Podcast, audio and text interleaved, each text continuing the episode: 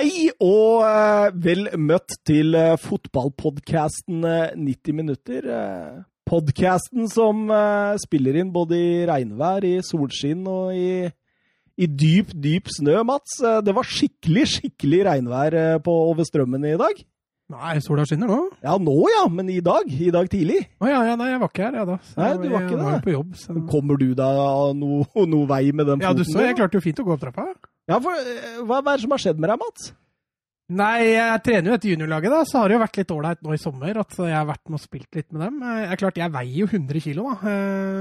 Så når ankelen min står i feil, feil, feil retning, og jeg legger 100 kilo på den ankelen, så gjør det fryktelig vondt. Så den har hovna opp og blitt blå og veldig vond å trå på. Altså. Det er, det er, en fot som ligner Homer Simpson sin, var det ikke det jeg sa, Søren? Ja, det var det du sa. Bortsett fra at den er blå, da. Den er ikke gul. ja, men det, det, Du kan, den se litt sånn ut, egentlig. Setter den andre ankeren ved siden av, så ser det fryktelig dumt ut.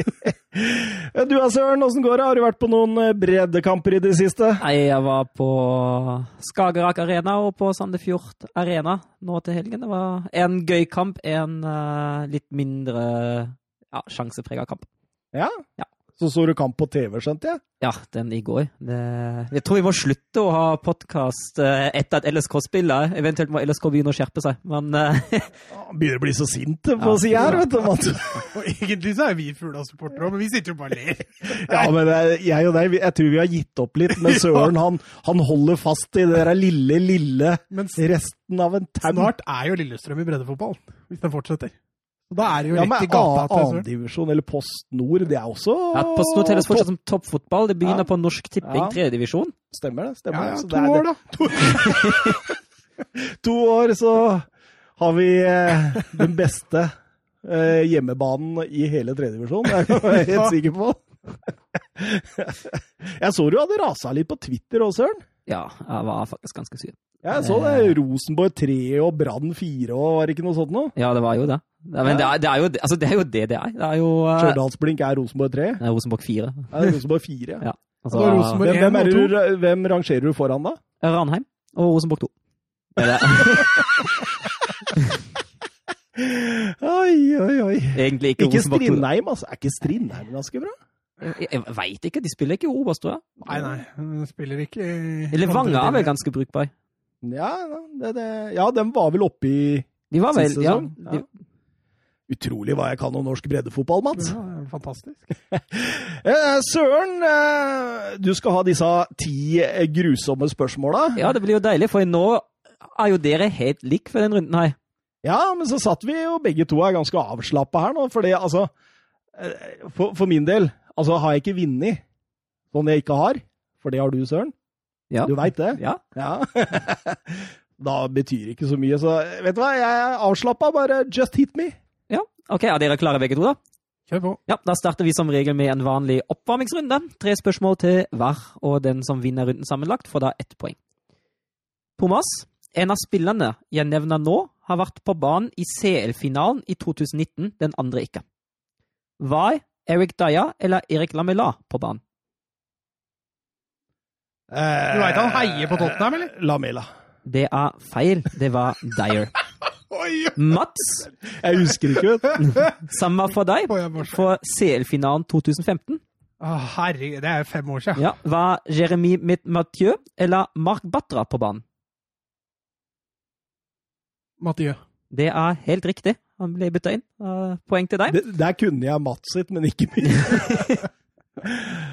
Thomas, hvem har flest mål i Bundesliga av Giovanne Elba og Stefan Kiesling? Eh, det må være Kisling. Det er riktig. 144 mot 133. Mats, hvem har flest mål i Serie A av Alessandro Del Piero og Gabriele Battistuta? Ja, den er tøff. Batistuta. Det er feil. Det er, det er Del Piero med 188 mot 183. 1-1. Uh, Thomas, hvem har, flunnet, hvem har vunnet flest seriegull av Bologna og Genoa? Oi da! Satt du ikke med den infoen der? Nei, jeg gjorde, jeg gjorde faktisk ikke det. Jeg gjorde ikke det.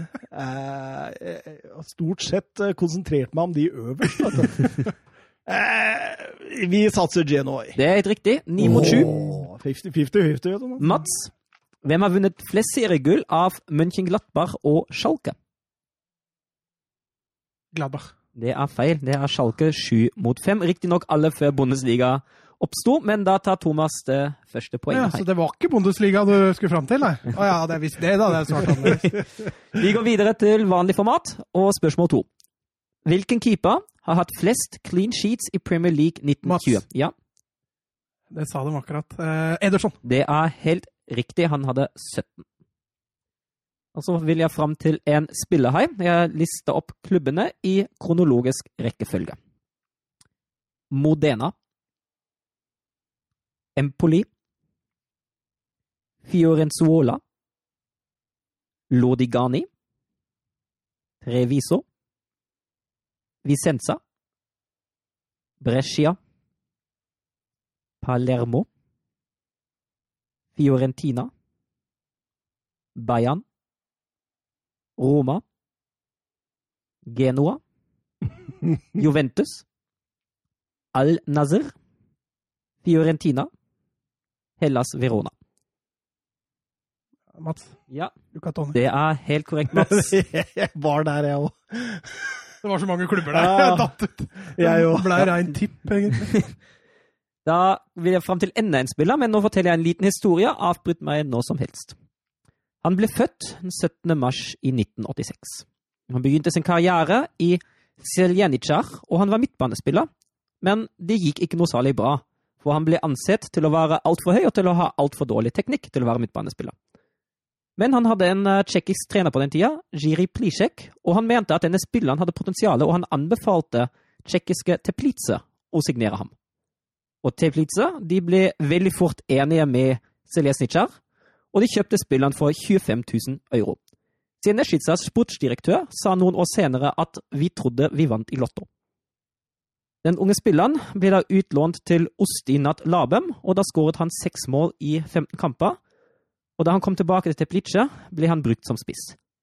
I 06-07-sesongen skåret han 13 mål, og var den nest beste målskåreren i, på tsjekkiske øverste nivå. Thomas. Ja. Satse Jan Koller. Det er feil. Oi! Det var det han tenkte jeg på hele veien òg! Ja, det var vi, vi har fortsatt et godt stykke av historien igjen. Måtte jo bare prøve. Det var ikke så langt unna jeg hadde sagt navnet mitt. heller. Ja, men eh, spilleren vår han ble i hvert fall oppdaget i nabolandet.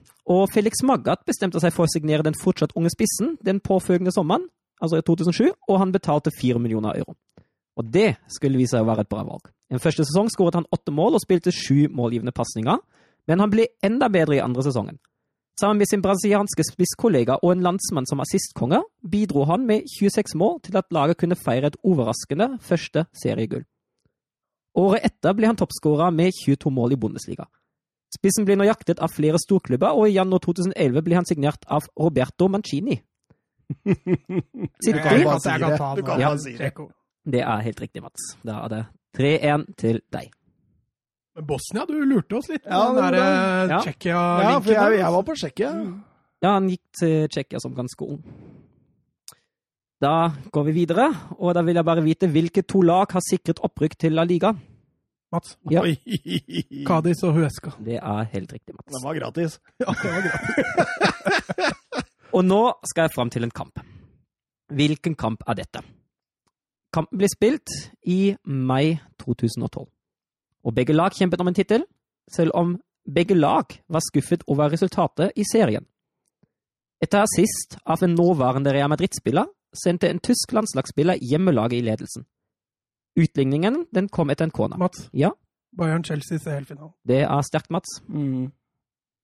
Det var bra. Det var bra. Jeg, jeg vet du hva? Jeg, jeg satt og kikka på det taket på det huset. Jeg hørte egentlig Hadde glidd helt ut. Ja, faktisk.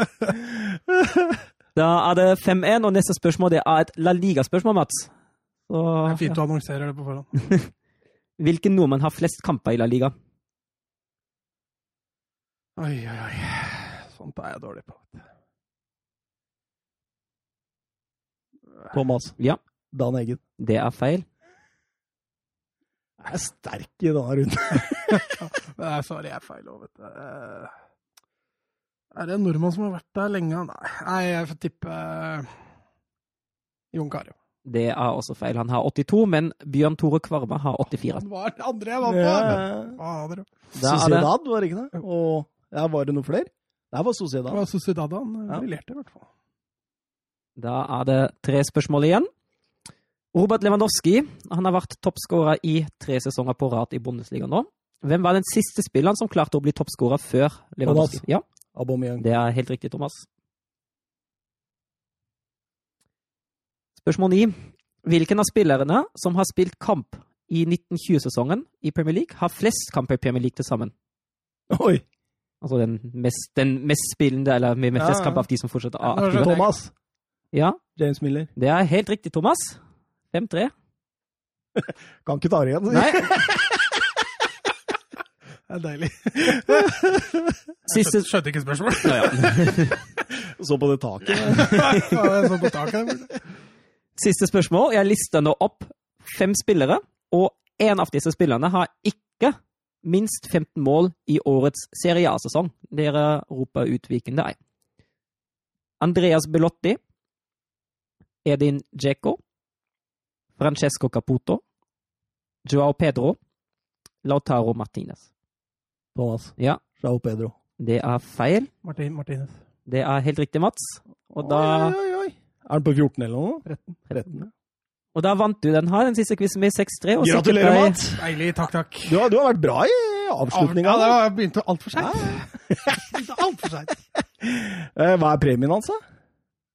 Det er en liten melkesjokolade. Oi, oi, oi. Det var, det var første premien som uh, var i quizen. Var det det, ja? Ja. Jeg husker det ikke. Begynte å avslutte med den. Ja, det, det er jo egentlig stil, det. Ja, nydelig. Ja em,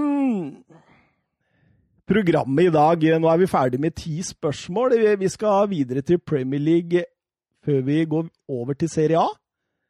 Deretter årets lag i Bundesliga. Det regner med dere har jobba litt med den. Yep.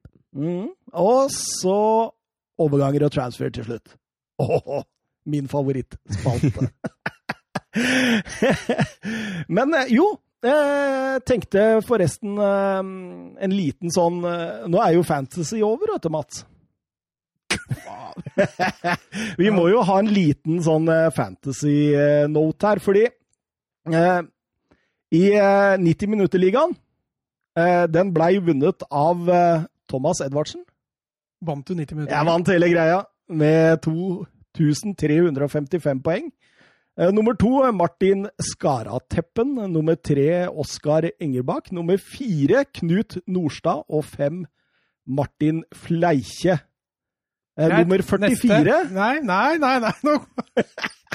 Nummer 44 Mats Granvoll. Granvold. mange var med. Jeg tror det var i overkant av 50 jeg er med i år. Så du Men jeg eh, har ikke vært aktiv siden oktober, da. Nei, nei. Eh, vi, vi, vi må også videre til denne sentralpubligaen. Eh, det var jo der vi kunne vinne reise, opphold og valgfri eh, Premier League-kamp. Mm. Eh, den ble vunnet av Hans Ari Varsi. Eh, gratulerer med det. Mm. Nydelig premie. Reise, opphold og Premier League-kamp. Valgfri. Han vant alt. Mhm. Ja, han vant hele pakka. Det har vært litt Du gir reisa til reisa til én, og så gir du oppholdet til en annen. Og så ble Miljøkampen nummer tre. Det er, det er pallplassen. Jeg ble nummer 16. Eh, skal sies at eh, av eh, Det er vel rundt 7 millioner som spiller dette, så ble jeg nummer 11 480 i verden. Hva, hvor endte Carlsen til slutt? Ellevteplass. Eh, ja, det var litt, eh, litt Han, han gjorde ikke en god sisterunde, og da falt han nedover, altså. Men uh, det er marginer, dette greiene her. Altså, jeg, jeg lå og sikla på sånn uh, 2000-3000 i verden en periode, sånn rundt koronaen. Eh, Tapte veldig at jeg var på den fjellturen, for da fikk jeg ikke bytta én runde. Og det, det bomma jeg litt på. Men eh, sånn er det. Sånn er det. Vi kjører intro. intro.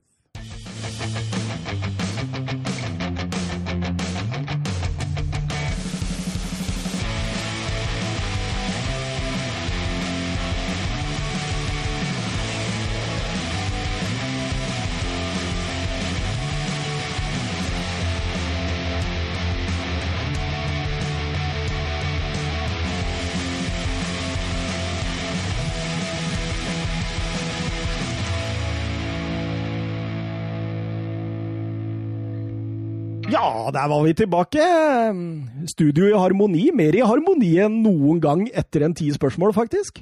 Ja, altså mellom deg og meg. Eh, Ja, Du, du var veldig likegyldig, egentlig. Det var litt skuffende å se at du dreit i at du tapte.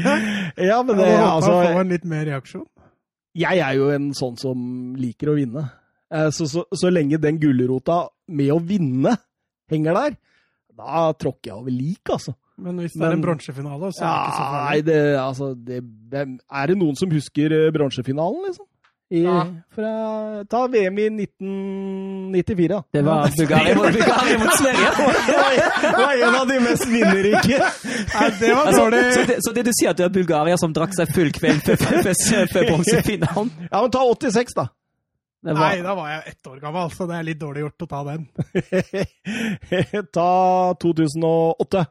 det var et da, da var det ikke VM. Ja, med EM, da. Nei, Det EM var er ikke bronsefinale. 2010. Ja, det var Sør-Afrika. Det var Tyskland mot Uruguay. Tyskland vant 3-2. Ja, jeg stemmer det. Stemmer på. Leksikonet på sida her, da. Han bryr seg om bronsefinaler. Ja. Det. For å si det, men hvis vi kommer eh, i siste sånn avgjørende med han, da, da er uh, armene bretta opp. Armene bretta opp. Ermene, heter det vel. Mm. Ja, sånn egentlig. Vi har noen uh, Twitter-spørsmål før vi starter i gang det hele. Vi kan jo begynne med eh, når vi først er inne på dette med 90 minutter, da, for Søren han har jo fått et spørsmål fra Jørgen Nystuen. Eh, nå har jeg faktisk For han har skrevet masse, han, innpå her. Der kommer han. Han har jo skrevet mye, han. Eh, som vinner av ti spørsmål, hvilken rett og leske skal Noto DS, altså Søren, på Twitter eh, kose seg med på Thomas og Mats sin regning? Nei, jeg tenker vi drar på Michelin og Nei da. Uh... Michelin? Hvem er det? Hvor er det? Eh, Det er nye åpna på Aker Brygge. der. Er det? Fy fader, det har ikke jeg råd til selv. Jeg syns vi skal ta Mækkern nede på strømmen. jeg, Kan jeg er veldig glad i en, uh, i en god burger og et godt glass med øl ved siden av. Ja, da kjøper vi pils på Rimi, og så drar vi innom Mækkern.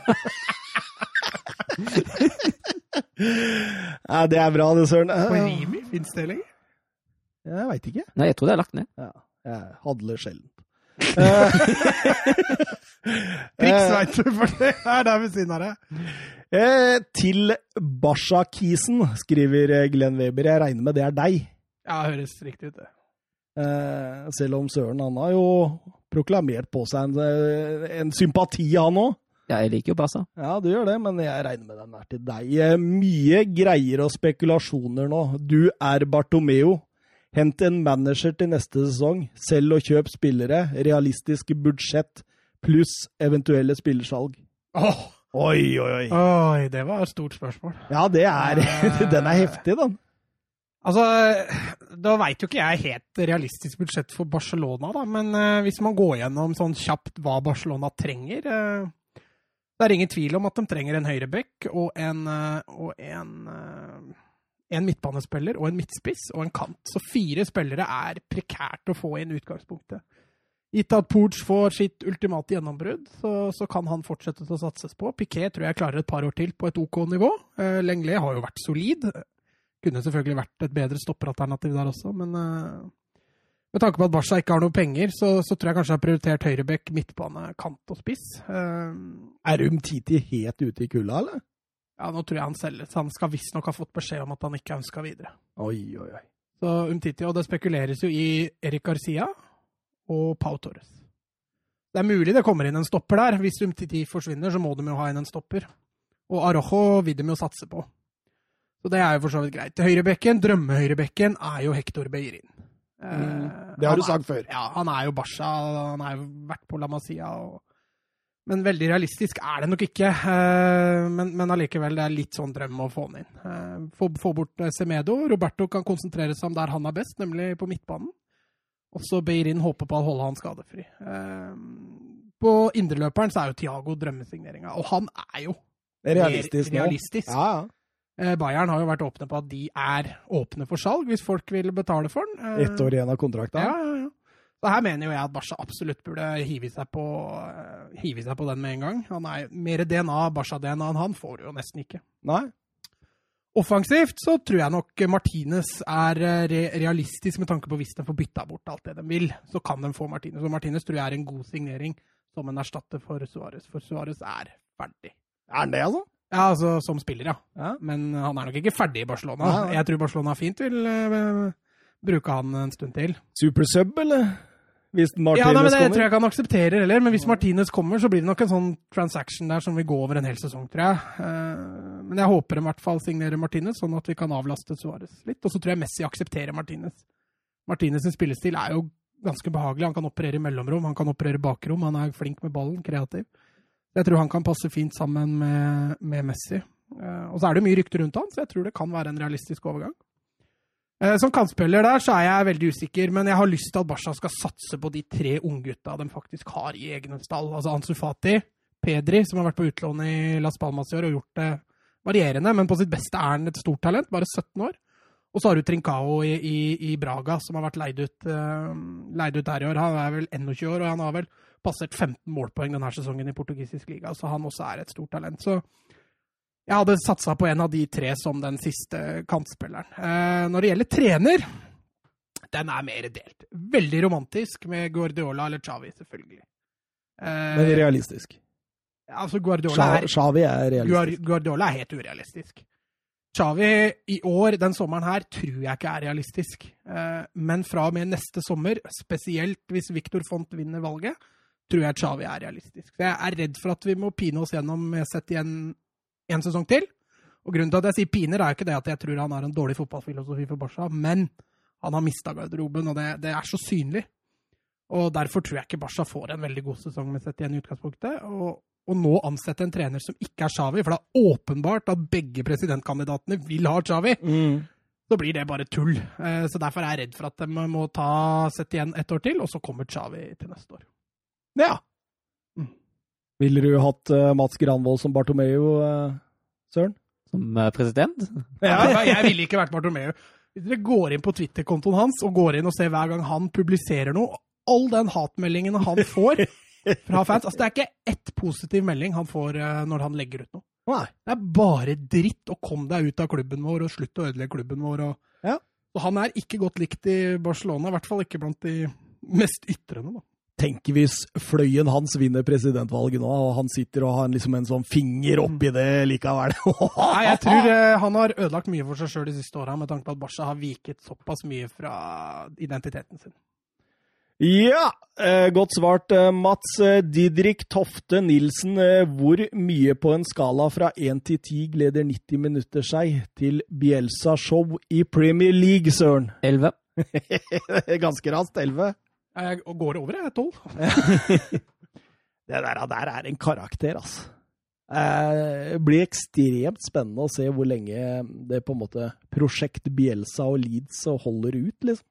Altså, jeg tror, Hvis du ser tidligere da på Bielsas prosjekter, så er det liksom veldig enten-eller. Eh, Bilbao og Chile, veldig bra, liksom. Ja, Bilbao, men der, der var det et eller annet som skar seg. Nå husker jeg ikke, for det, var, det er jo en del år siden, men han, første sesongen hans i Bilbao var jo strålende. Andre sesongen så gikk det nedover. Han mista riktignok Jorenta, han mista et par av stjernene, men uh, det gikk nedover. Og Marseille var det jo bare et år. Ja. Så gikk jo det dundas. Jeg tror han sliter litt på tilværelsen uh, Ja, rundt seg i en klubb, sånn da. Tom Ja. Nordlis, eh, eller Argentinas Tom Nordli. Le leste vi litt om hvordan han ble ansatt i Leeds og, og prosessen rundt dette. Det var jo um, disse to eierne, Kinnear og jeg husker ikke hva han siste heter, som de hadde bare sittet i en biltur. Og så sier han ene Hva er drømmemanageren din, liksom? Det er Bielsa. Ja, da prøver vi på det, liksom. Og de eh, møtte jo Bielsa og fikk han på eh, treningsanlegget til Leeds der. Og allerede da så hadde han klare meninger om eh, gulvet på treningsanlegget inne på styrkerommet og sånne ting allerede. Og, og hvor stikkontaktene skulle stå liksom i forhold til uh, hvis de skulle overnatte og sånn. Noen av de historiene. Nei, altså Han fikk jo hele Leeds-stallen til å rydde søppel i tre timer, for det var så mye en måtte jobbe for å få råd til å gå på kamp.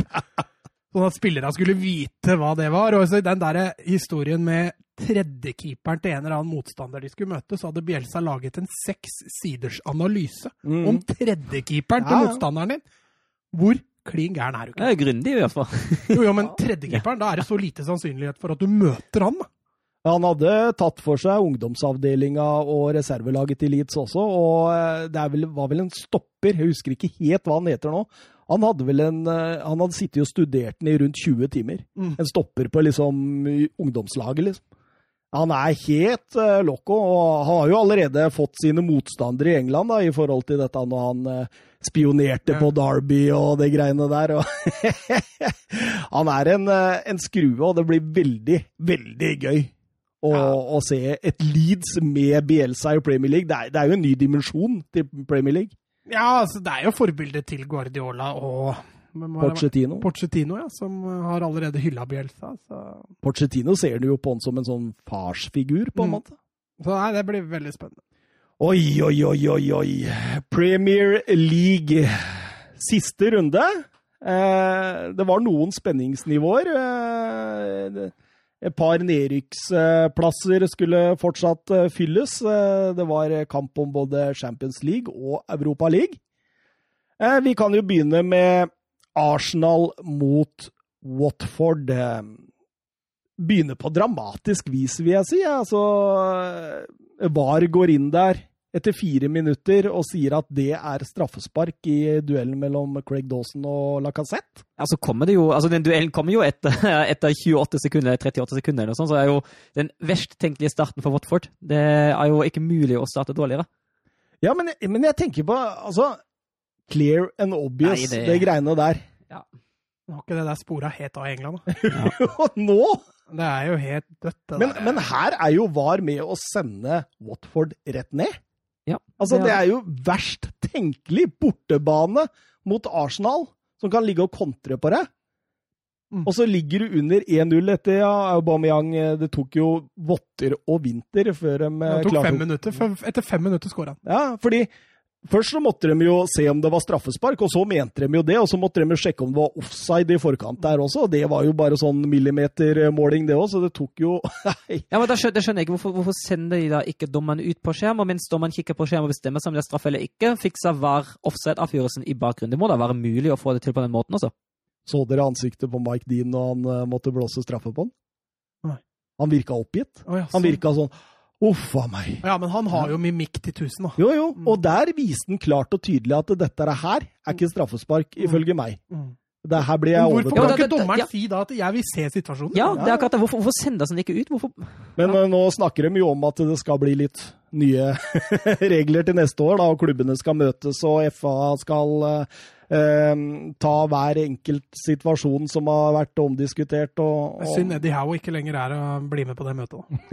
Han er ikke veldig for VAR. altså. Nei, det tror jeg ikke. Men, altså, men det, er det du sier nå, at Mike Dean kanskje ikke ville blåse straffe engang. For det er, det er også Ja, en greie det- med, det- ja, men det, det, er, er også greie med det i Tyskland, eh, at man sier at avgjørelsen skal alltid tas av dommeren på banen. Altså Det er greit hvis hver forteller at det var offside, da er det offside. Sånn er det jo bare. Men hvis man er usikker, da sender man dommeren ut på skjermen at myndigheten alltid ligger hos dommeren, og ikke hos den videoassistenten, for det er en assistent til slutt. Det er ikke noe annet. Var det ikke Mourinho som sa det? At det er ikke, det er ikke VAR, det er VR. Nei, Ja. VA. Ja, han var ganske glad, og, han fikk spørsmål om hvordan han syntes VAR fungerte òg. Da sier han jo det at eh, for noen bra, for andre dårlig. Hint, hint, hint. Eh, Men Aubameyang han setter nå den eh, feilaktige straffesparket i mål. Trygt. eh, 2-0 rett etterpå. Turney, som skårer sitt første mål.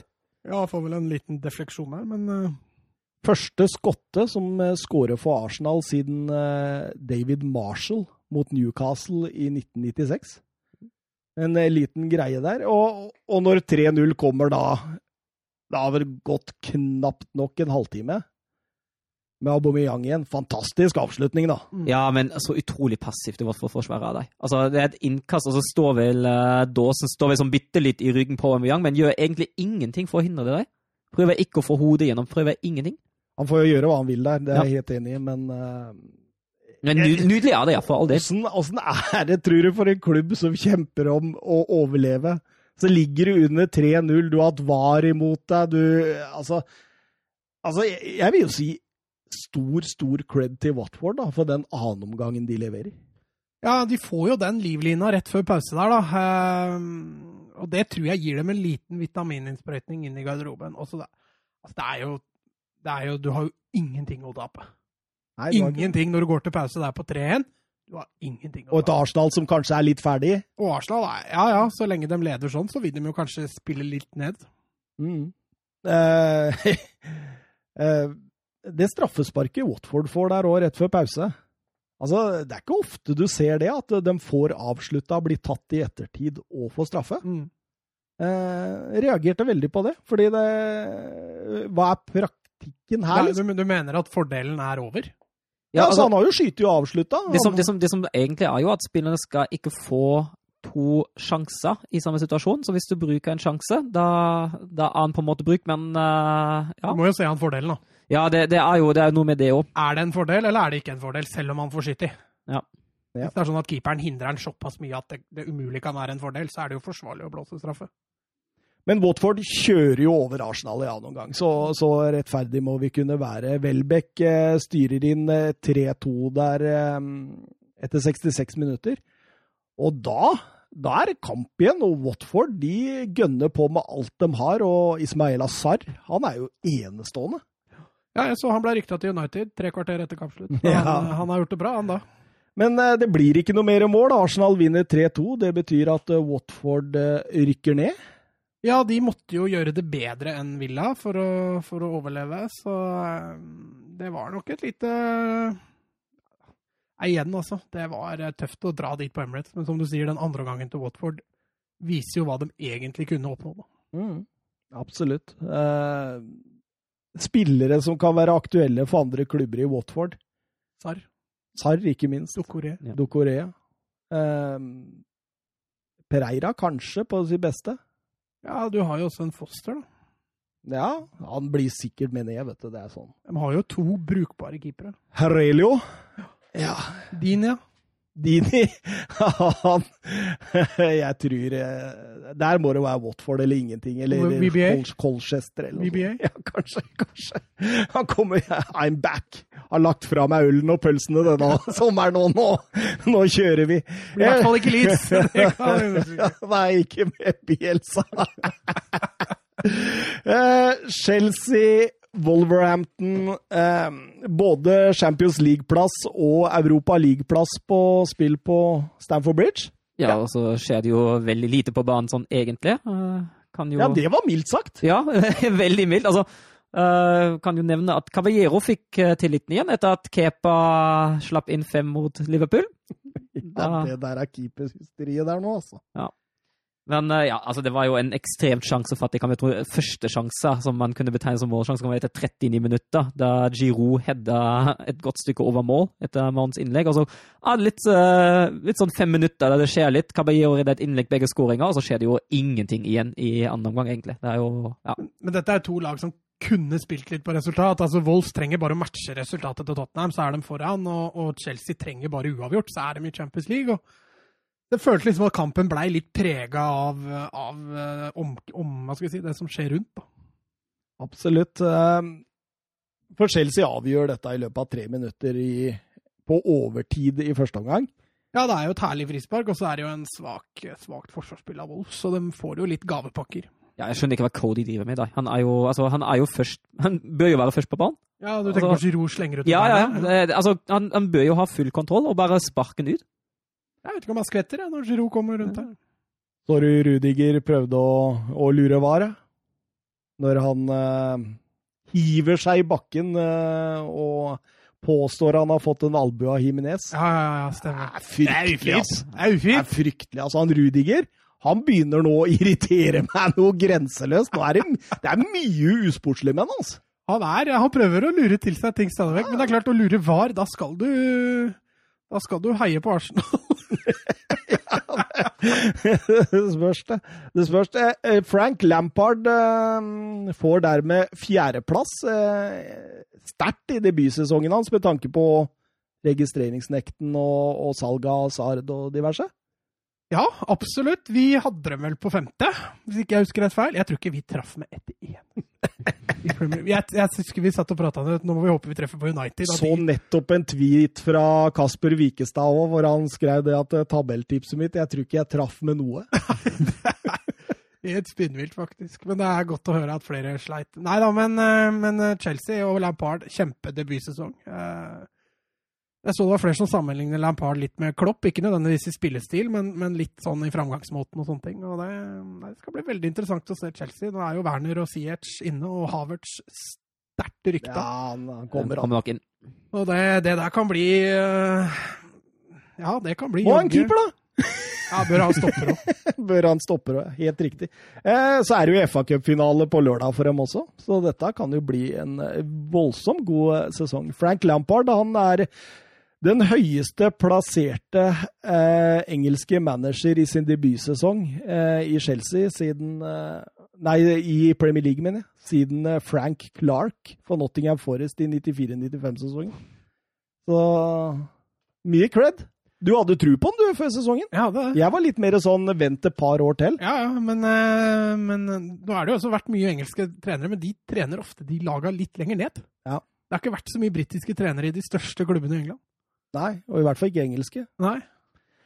Crystal Palace, eh, Tottenham eh, Ja, eh, Tottenham kjempa jo om en Europa League-plass, og på de siste ni mot Crystal Palace så har Spurs vunnet ni i Premier League. Crystal Palace har kun skåret ett mål, og det var det i tillegg Jan Fertongen som gjorde det for dem. Hvor er det han skal hen nå? Jeg leste han var ferdig, Ja, han har ikke fått noen ny kontrakt. Men han er ferdig. jeg antar det blir Italia. Ja, men han har sagt han er ferdig, eller? Ja, altså han har vinka farvel og tatt imot eh, klokka og det som var Såpass. her. Ja. For Tottenham-klokke? Eh, de ga klokke til både Fertongen og Form nå, nå i Form òg? Ja, du er ikke avhengig av for mange kamper, du må bare være der lenge. Ja, er ikke det litt dumt, da? jeg, jeg tror du må være der og kose deg. jeg veit ikke kriteriene for å få klokke, jeg vel! Jeg så det, var, var, var en del eh, humor på Twitter blant uh, Tottenham-supportere som sa at der røyk transferbudsjettet, liksom. For det var klokker til uh, en god, en god del penger. Eh, Men eh, kampen, da eh, Relativt jevn start. eh, Men eh, jeg syns jeg ser konturene liksom underveis i den første omgangen at, at Tottenham er litt farligere når de kommer, enn Crystal Palace. Ja, jeg er enig. Selv om det, altså det skapes ikke sånn supermye, uh, utenom skåringa og den fine soloen som Lukas Lucas Mora hadde etter en halvtime der. Men jeg, Ja, jeg, den er, Ja, den er enorm! sjukt. ja, Og det skjønner at ingen Tottenham-spillere var med inn der, for der, det ser jo ikke ut som han skal få til en dritt. Han? Men alle Tottenham-spillere står bare og ser på. Når den er ferdig, så begynner bare alle å klappe. Ja, men det er åssen han fikk den til å rundt der igjen etterpå. Det er helt utrolig. Nei, men jeg, jeg er enig med deg, Thomas. Jeg syns Tottenham var det, var det beste laget i første omgang. Selv om det, det ble jo litt sjansefattig. Men uh, skåringen av Kane den var klasse av både Lo Celso og Kane. Kane er god i de situasjonene der. Ja, det har vært fantastisk, egentlig, helt siden eh, han skåra to. Eh, Så har han våkna litt nå. Han har jo alltid avslutta Premier League sterkt så lenge han har vært skadefri. Det er litt som det der, da. Legge til rette, bang! Ja, den bevegelsen der. Altså Ah. En flytende bevegelse. Uh, legger han på riktig fot, og så setter han inn. Det er, er helt fantastisk. Men eh, ja, altså, vet du hva? Eh, den annen omgangen, den vil jeg helst glemme. Du kan nevne at Slupp eh, skåra, eller? Det, det, det kan vi gjøre. Eh, kom jo tidlig der eh, etter at de taper tre dueller på, etter egen dødball. Eller Ja. mot, motstanderens dødball. Da var Mourinho stolt. Ja, det er helt eh, Og så er, går vi Tottenham inn i en forferdelig det, det er noe av det dårligere jeg har sett dem i noen gang. Den eh, fra rundt ja, ja, 45 til en 70-75. Eh, helt Altså, det, det var sånn det var verken fugl eller fisk, liksom. Pressa ikke høyt, pressa ikke lavt. Lunta etter enkle balltap. Eh, labert balltempo. Altså, Syns synes Crystal Palace var best i det aller, aller meste. Det, det var jo Men, men dette er det beste elveren jeg tror Mourinho kan stille akkurat nå. Ja. Altså sånn Blåser skader og sånne ting, men dette var den beste elveren. Jeg tror han Ja, altså, jeg har jo alltid hatt en drøm om at en Dombélé skal bli uh, ja, spilleren som kan kunne gå inn. det- og- Årets kjøp, det. da. Men uh, ja, hva har skjedd der? Jo, jo, men jeg skulle fram til? At Tottenham nå har alle stabla på beina. Ja, absolutt, og det har de jo stort sett hatt eh, pre-covid. Mm. Men, eh, og, og det har jo vært også et av de lagene som har tatt jo- mest poeng. Du eh. ser jo også Sanchez har jo spilt litt i, bak der, og han har jo rullert litt også på midtbanen. Ja, Dyer kom jo fra en firekampers suspensjon etter han var oppe på tribunen og prøvde å hente han som hadde snakka dritt om bror si. Ja, stemmer. stemmer. Eh, men eh, det ebber jo ut med 1-1 i en eh, egentlig kjedelig fotballkamp totalt sett. Og, og grunna Chelsea-seier, altså takk Lampard, så får eh, Tottenham Europa League. Ja, det var jo spekulert eh, voldsomt eh, om hvem som får disse europaplassene. For det er jo igjen noen engelske lag i Champions League som kan vinne, og det er igjen noen engelske lag i, i Europa League som kan vinne. Men eh, det var flere som hevda at England ikke får lov å ha med mer enn sju lag, men det er jo feil. De får jo lov å ha med åtte, så Tottenham er jo safe. Så Uefa var ute og sa det i dag, ja. Ja, og hvis Arsenal skulle finne på å vinne FA-cupen, så vil Wolves havne utafor, med mindre de vinner Europa League. Da går de inn i Champions League. Mm. Men så må, hvis, hvis Wolves havner utenfor, må jo Tottenham spille den fine kvalifiseringsrunden, de òg. Stemmer det? Det, Stemmer det. Men, det var en eh, rein Da er glede. det Tottenham-Wolfsburg, da. Jeg tror, jeg tror, de, Baku. tror, tror, tror de er sida, begge to, da. Men eh, Eh, Petter Støvland han spør eh, hvor tenker man Mourinho må forsterke for å henge med i toppen. Eh, Det har jo jeg mine klare tanker om. Eh. Vi må ha en, eh, et høyrebekk-alternativ. Jeg, jeg, jeg syns Aurea har vært bra under Mourinho. Eh, visse småslurv selvfølgelig, og litt sånn plassering og sånt, men totalt sett veldig bra. Eh, Aurier, så jeg, jeg, ikke nødvendigvis en erstatter for Aurier, men i hvert fall et alternativ, for han spiller jo absolutt alt for tida. Walker Peters, da. Han eh, tror jeg kommer til å bli inkludert i den dealen de gjør med Southampton om Pierre Emil Høibjerg. Mm. Eh, Everton eh, har jo det høyeste budet der, med Høibjerg har satt seg på bakbeina og sagt 'jeg vil til Tottenham'. Så det ser ut som det går den veien. Og eh, Southampton er jo veldig fornøyd med Walker Peters. mm. Så det er ikke umulig, det. Jeg har også lyst på en stopper, en erstatter for Jarn Fertongen. En som på en måte altså, de har jo tre brukbare Ja, men jeg vil ha fire brukbare stoppere. Særlig hvis du spiller Europa League. Vi kan ha noen bra, bare fire brukbare. Du kan bruke Tanganga, da. Han skrev en ny kontrakt nå. Og så Eh, har du Dyer. Det er åpenbart at Mourinho vil bruke Dyer på stopperen. ja, absolutt. Og så har du Sanchez og Aldevrel. Mm. Og det er de tre du Ja, sikkert sikta til. helt riktig. Jeg vil ha en offensiv midt. En, vi kan ha en venstrebekk, altså? Eh, ja, jo, for så vidt. Det kunne tatt med det òg, men jeg, jeg har et håp om Cézinho, da. Ja, OK, du tenker Ja, ja. Så jeg, og jeg tenker at eh, Davies er solid fram til Cézinho er klar. er klar. Ja. Okay. Eh, Jeg vil ha en offensiv midt, en som går rett inn og tar Christian Eriksen-rollen. Uh, Del Alli kan ikke ta den rollen, det har vi prøvd mange ganger. du tror ikke Lo Celso kan ta, den? Mm, Jeg, jeg syns, hvis Mourinho skal fortsette med den derre 4-3-3-opplegget sitt, eller som, som er, også uh, kulminerer noen ganger til en uh, 4-2-3-1 og sånt, og, og, og ha den derre tieren, så syns jeg Lo Celso passer best litt dypere, hvor han kan komme inn i andrebølga. Så jeg synes, altså, Lo Celso har kvaliteter, syns jeg, som på en måte er spennende i forhold til den rollen. Men det jeg har sett av Lo Celso så langt, så syns jeg han passer bedre når han får være med å styre spillet litt mer dypere, og komme inn i andre- og tredjebølge. Hvem skal den spilleren være? Hei, Vet du hva? Jeg, jeg har en liten, eh, liten drøm på Coutinho, jeg. Å sette han der. Han skal ha mye lønn, da. Ja, men eh, tenk å sette Coutinho i den tierrollen der. Det er jo, der er han jo god! Mm. Det er vi enige om, gutta? er vi ikke det det? kunne fungere fint, det. Ut venstre, der er han ikke god. Men, eh, men, men der har vi Bergveien og Son og hele pakka. Mm. Og så må vi ha et alternativ til Kane. Ja, Det blir vel Milik, deg, eller? Eh, ja, han ser ut som han går til Juventus nå. Ja, OK. Ja. Mm. Eh, hvem det blir, eh, skulle jeg tippa i dag. Eh, Callum Wilson. Ja. Mm.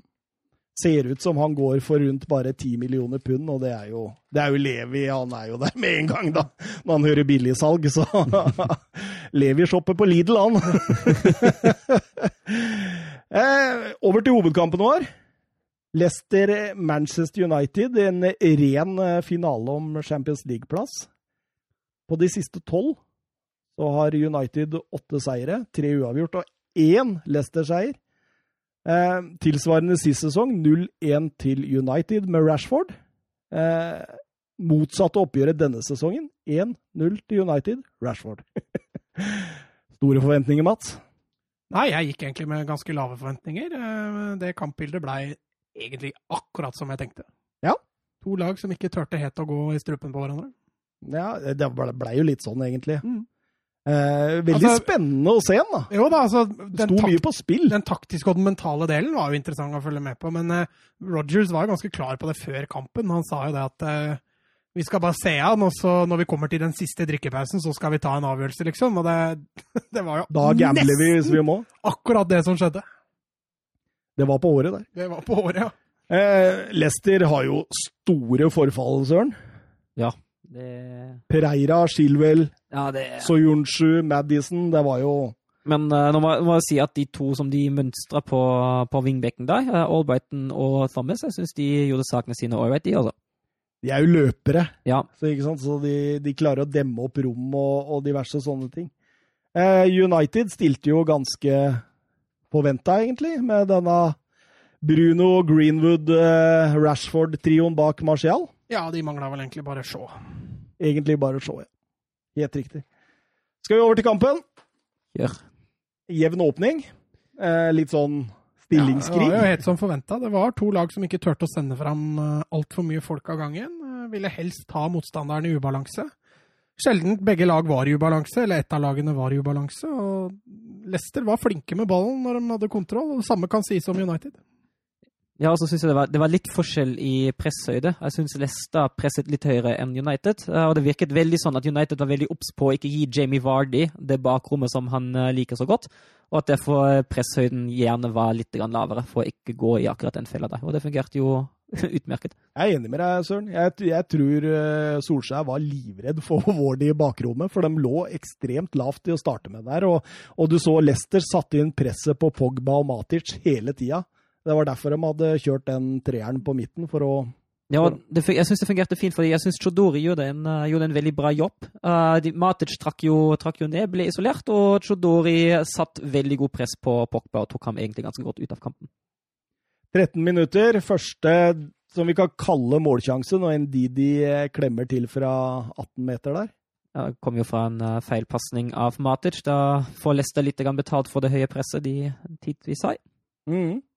Og når vi passerer da 15 minutter, så har jo Leicester begynt egentlig et lite initiativ, egentlig. Tatt Ja, som jeg sa, så var Leicester flinke med, med kula på United på en halvdel. Og som dere har nevnt nå, så var jo United var ikke flaue over å legge seg dypt for å hindre bakrom. og Leicester sleit jo litt med å skape store sjanser når det ikke blei noe rom bak forsvarsfireren til, til United. og Kanskje de beste kantspillerne til Leicester satt på benken. Ja. I Og- Perez og Barnes. Eh, ja, og, og, Og Gray. Del Gray, ikke minst. ja. Eh, sånn at når kampbildet blei som det blei, så burde du kanskje hatt én av dem på banen. For Albrighton er jo mer en kriger. Han er ikke noe typisk kantspiller. Han har bra høyrebein, altså, men eh, Utelukkende valgt pga. defensiv Ja, ja, helt klart. Eh, sånn at han gjorde kanskje, kanskje prioritert litt annerledes der, eh, og heller hatt Ionucci på benken for å komme innpå med han. Mm. For når de da må sette inn på Hirst de siste minuttene der, så mangler de ja, Nå forgriper jeg situasjonen litt. Men, men med Fifi spiller denne Ionacho. Ja, han er fiffig. fiffig. Eh, altså, det bor så mye fotball inn, men Mangler sluttprodukt. ja, det er eh, det, det, du, det er noen av de valga som er det som Du, du kan jo rive deg i håret, ikke sant? Maguire, da. Eh, tidlig gult. Syns han eh, Den var fæl. rota bort ballen der og Hva tenker han på i den taklingen der? Nei, jeg skjønner ikke. Han burde vel kanskje hatt det gult litt seinere i matchen også. Ja, altså den er litt nærmere slutten der, ja. Mm. Nei, altså det er et sakse... Altså, ja, Greit nok Leicester-spilleren er i ferd med å vende opp der, men det er jo Du kan jo bare ta den ut ved å dytte den over ende òg. Du bør ikke gå inn på den måten. Nei. den Er stygg. Den er litt ufin, altså. 24 minutter. Leicester-overgang. Eh, Justin eh, vinner eh, ball og sender til Anacho. Eh, han rister av seg Pogba der og har Wardy ut venstre. Eh, velger å gå på skuddet der. Ja, det var jo, det var jo på valgene som du nevnte. Det var jo ikke det riktige valget, men De Rea holdt jo på å rote det til. ja, men det hadde blitt offside. Ja. Men eh, hva er det for noe valg, da, Mats? Du må jo rive deg i håret hvis du er Brennan Rodgers og ser det der. Ja, og Jamie Vardy. og Jamie var det. Han gjorde det kanskje òg. han gjorde det kanskje. Eh, syns Lester Leicester ofte eh, er eh, med vilje smale på midten i fireren der. Eh, og jeg tenker jo det at eh, for, å, for å på en måte De eh, skal prøve å stenge så mye rom som mulig, ikke sant. Og jeg syns United da Hvorfor i alle dager prøver de ikke å vende spillet oftere? Ja, eh, altså de, de, var jo interessert i å ta ut Fernandes og Pogba sentralt. Det er jo det som er kombinasjonsspillerne til United, og de lykkes jo i stor grad med det. Og så kan man jo selvfølgelig lure på hvorfor United ikke greier å tenke litt sjøl. Hvorfor greier dere ikke å vende det spillet oftere? Men du ser også kantene til Se på Greenwood og Rashford. Trekker jo veldig tidlig inn, da. Ja, men jeg tenker da på bekkene, for du så spesielt Aron Van Bissaka sto aleine på andre sida mange ganger. Eh, Hvorfor ikke bare slå en 60-meterspasning diagonalt og skape uro, liksom? Isteden så var det alltid inn på Bruno og ut igjen, og ikke sant? Han mista ballen hele tida, og det er det egentlig Leicester Det var litt tilbake igjen til gamle synder. Ja, det var det. Det var liksom ingen som på en måte hadde den nøkkelen som det Bruno Fernandes kom med i sin tid. da. Ja, nei, Det eneste de prøvde på, var jo egentlig å slå noe i bakrommet og håpe på at det gikk. Ja. Men uh, gjorde det ofte ikke. 33 minutter, Tilemanns mulighet. Eh, Ianacho på overgang igjen, fører og fører mot Maguire, som ikke tør å gå, stå og gå opp. og Leter etter en skuddmulighet. Den får han aldri, men han sender ballen til Tilemann som triller utenfor stolpen. Men hadde de GA-kontroll? Vanskelig å si. altså Hvis, hvis den hadde vært plassert nok, kunne fort ha fått en uhyggelig overraskelse. det var ikke mange kilometer på det skuddet der, men eh, Og så har du denne Wardys halvsjanse, da, hvor Ianacho bruker Luke Thomas ut venstre. Jeg syns han hadde mye gode innlegg, denne Luke Thomas. Ja, men jeg synes han har, ja, Nå har han jo bare spilt to eller tre kamper, men jeg syns han har vært bra. altså. Mm. Uredd å være debutant. Ja, Maguire der som kommer opp i Wardy og får hindra en uh, Mm. god avslutning. United uh, har vel egentlig ingenting før eh, Rashford uh, brenner den til side der. Ja, Kommer litt skrått inn. Eh, nydelig pasning av Pogba. Ja, den var ferdig. Den var ferdig. Men eh, han får litt skrå vinkel, og så er det en litt dårlig treff der. Ja, så eh, ja. Har jeg vel egentlig ikke så særlig mye mer. Det, Ja, I første omgang, håper jeg. ja. eh, syns eh, Lester åpner best i annen omgang. Det skaper et visst trykk på United, eh, uten at det kommer til sånn voldsomt mange sjanser. Lester Leicester eh, Jeg tenker jo at eh, man burde jo begynt å ta større sjanser her. Ja. Ja. Hvorfor han venter så utrolig lenge med det, liksom. Jeg skjønner at han kan ha respekt for United sitt overgangsspill og det greiene der, men åh, Jeg skjønte liksom hvordan det ville gå. ja, men altså, det handler jo om at du må vinne den kampen. Og det hjelper ikke å satse siste kvarter. Må jo begynne å satse litt, litt grann tidlig, være litt modig. jeg er litt uenig med dere, fordi på det tidspunktet trenger Leicester bare ett mål. Ja. Og det vil da si om det kommer i det 50. minutt eller i det 90. minutt. Jo, men hvis han hadde begynt å satse nå, da. Ja, det- sannsynligheten Ja, Da risikerer han jo også mer bakover, da. ja, Ja, men, men, samtidig, altså, hvis han gjør det i det 80. minutt, da, så har han bare ti minutter å rette det opp på. også. Ja, men han skulle gjøre det i det 70. ja, Det var det som var planen. Ja, men er det riktig? Er ja, den er jeg enig i. Du er det, ja? Så lenge United ikke scorer, så er jeg enig. ja jeg er uenig med Hvis. United hadde skåret i det 50., da er jeg enig med Det er ikke Da, lett å skåre et fotballmål mot Manchester United på 20 minutter. Jeg, jeg tenker at her må man begynne å skape et mye større trykk tidligere, tenker jeg. By, altså, jo, men altså, du må må begynne å stresse altså, Det er bare å begynne å stresse Maguire, det, så begynner jo han å gi bort ballen. Ja, men Tror du ikke de hadde gjort det hvis de hadde følt at det hadde fungert? Ja, men de prøvde jo aldri, så de veit jo ikke. De prøvde jo aldri å legge press på United. ja, jeg tror de var mer opptatt av å ikke sånn slippe inn. altså. skikkelig, men Mm. De var mer opptatt av å ikke slippe inn Ja, hele veien. det, det er det jeg mener, jeg òg. ja, det, det mener jeg er planen som Rogers har, og jeg mener at det er OK så lenge United ikke scorer. Hvis de da velger å kjøre trøkk på de siste 20, så risikerer de mindre for å slippe inn et mål tidligere, og de risikerer mer for å score mål offensivt. Altså Det blir et mindre tidsrom for motstanderen å score, da. Ja, og, Og og scorer- seg selv å Jo, skåre. ja, men Skårer du i det 50. minutt, da, så må du jo forsvare deg i mye lengre tid. da. Ja, ja. Skårer du seinere, så må du ikke forsvare deg like lenge heller. Nei, det er klart. Det, det, det finnes jo pros og cons på Ja. begge, begge deler, men jeg mener at uh, Og når vi kommer til målet til United, så er det hjerneblødning og skandale og grunn nok til å fyke Ja, vi kan jo ta 59 minutter der. eh, Da Jose Perez kommet inn for Ianacho, så uh, har Tilemann sin innoverskrudd frispark, skrått ut venstre, og Wardy vinner duellen med Fernandes og header den bakover. Ja, og blir en fin uh, loppheading, da. Uh, havner jo akkurat i krysset. I krysset, ikke, altså, Ja, ja, i det, tror han var skumlere enn han så Ja. med en gang. altså. Så DG har ikke kontroll her. Det har han ikke. Og så kommer Hamza Shodri, missen. Det er veldig ofte med han at han spiller en bra kamp, og så gjør han én graverende feil, og så blir laget straff. Ja, for jeg syns han, han, var brukbar til det tidspunktet. Altså. Ja, jeg er helt enig. Uh, men så mister han jo mot Greenwood. Altså, det, det går jo ikke an å miste dem. Uh, og så er jo Fernandes uh, kjapp i tenkemåten sin, Marcial, og han blir jo felt av både Begge to. Morgan og Evans. Altså, jeg så, så det på reprisen. På reprisen så det egentlig ut som at Morgans feller han først. Mm. Utifra, Det, det er det som jeg syns Ja. gjør det til straffe. For Ja. Du ser John Evans, han er en millimeter på ballen der. Mm. Så det kunne ha blitt Men altså, han blir jo felt. Det Ja, det er det er helt tatt. greit.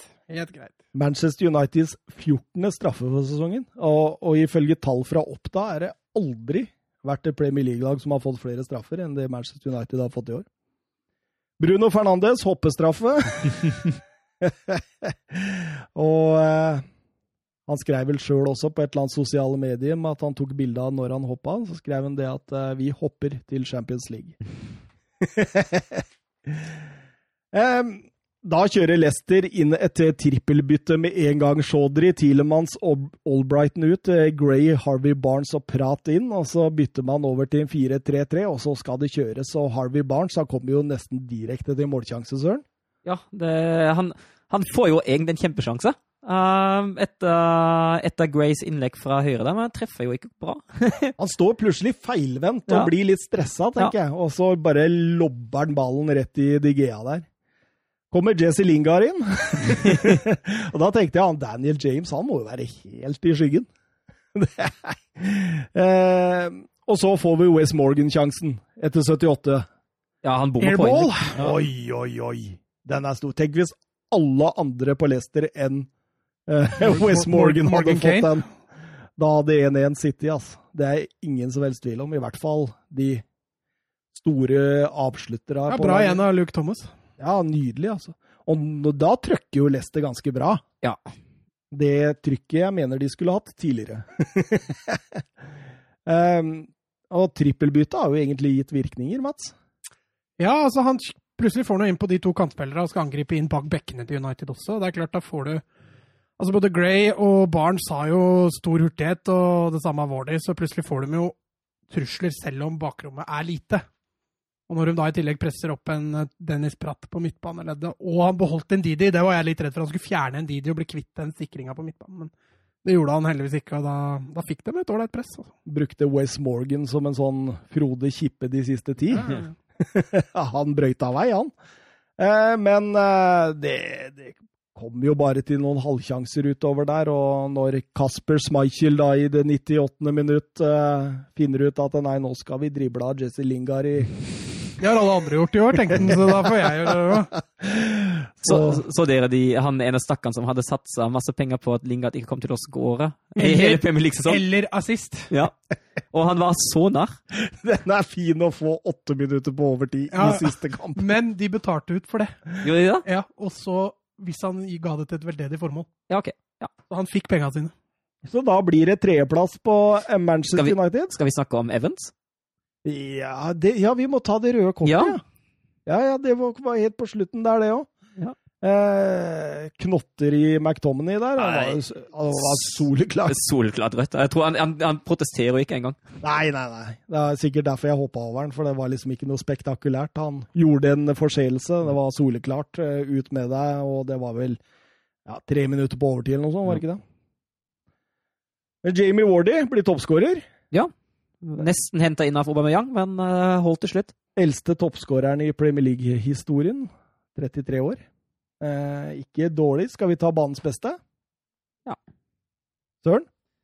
Ja, Jeg syns det var en uh, vanskelig kamp igjen å kåre banens beste.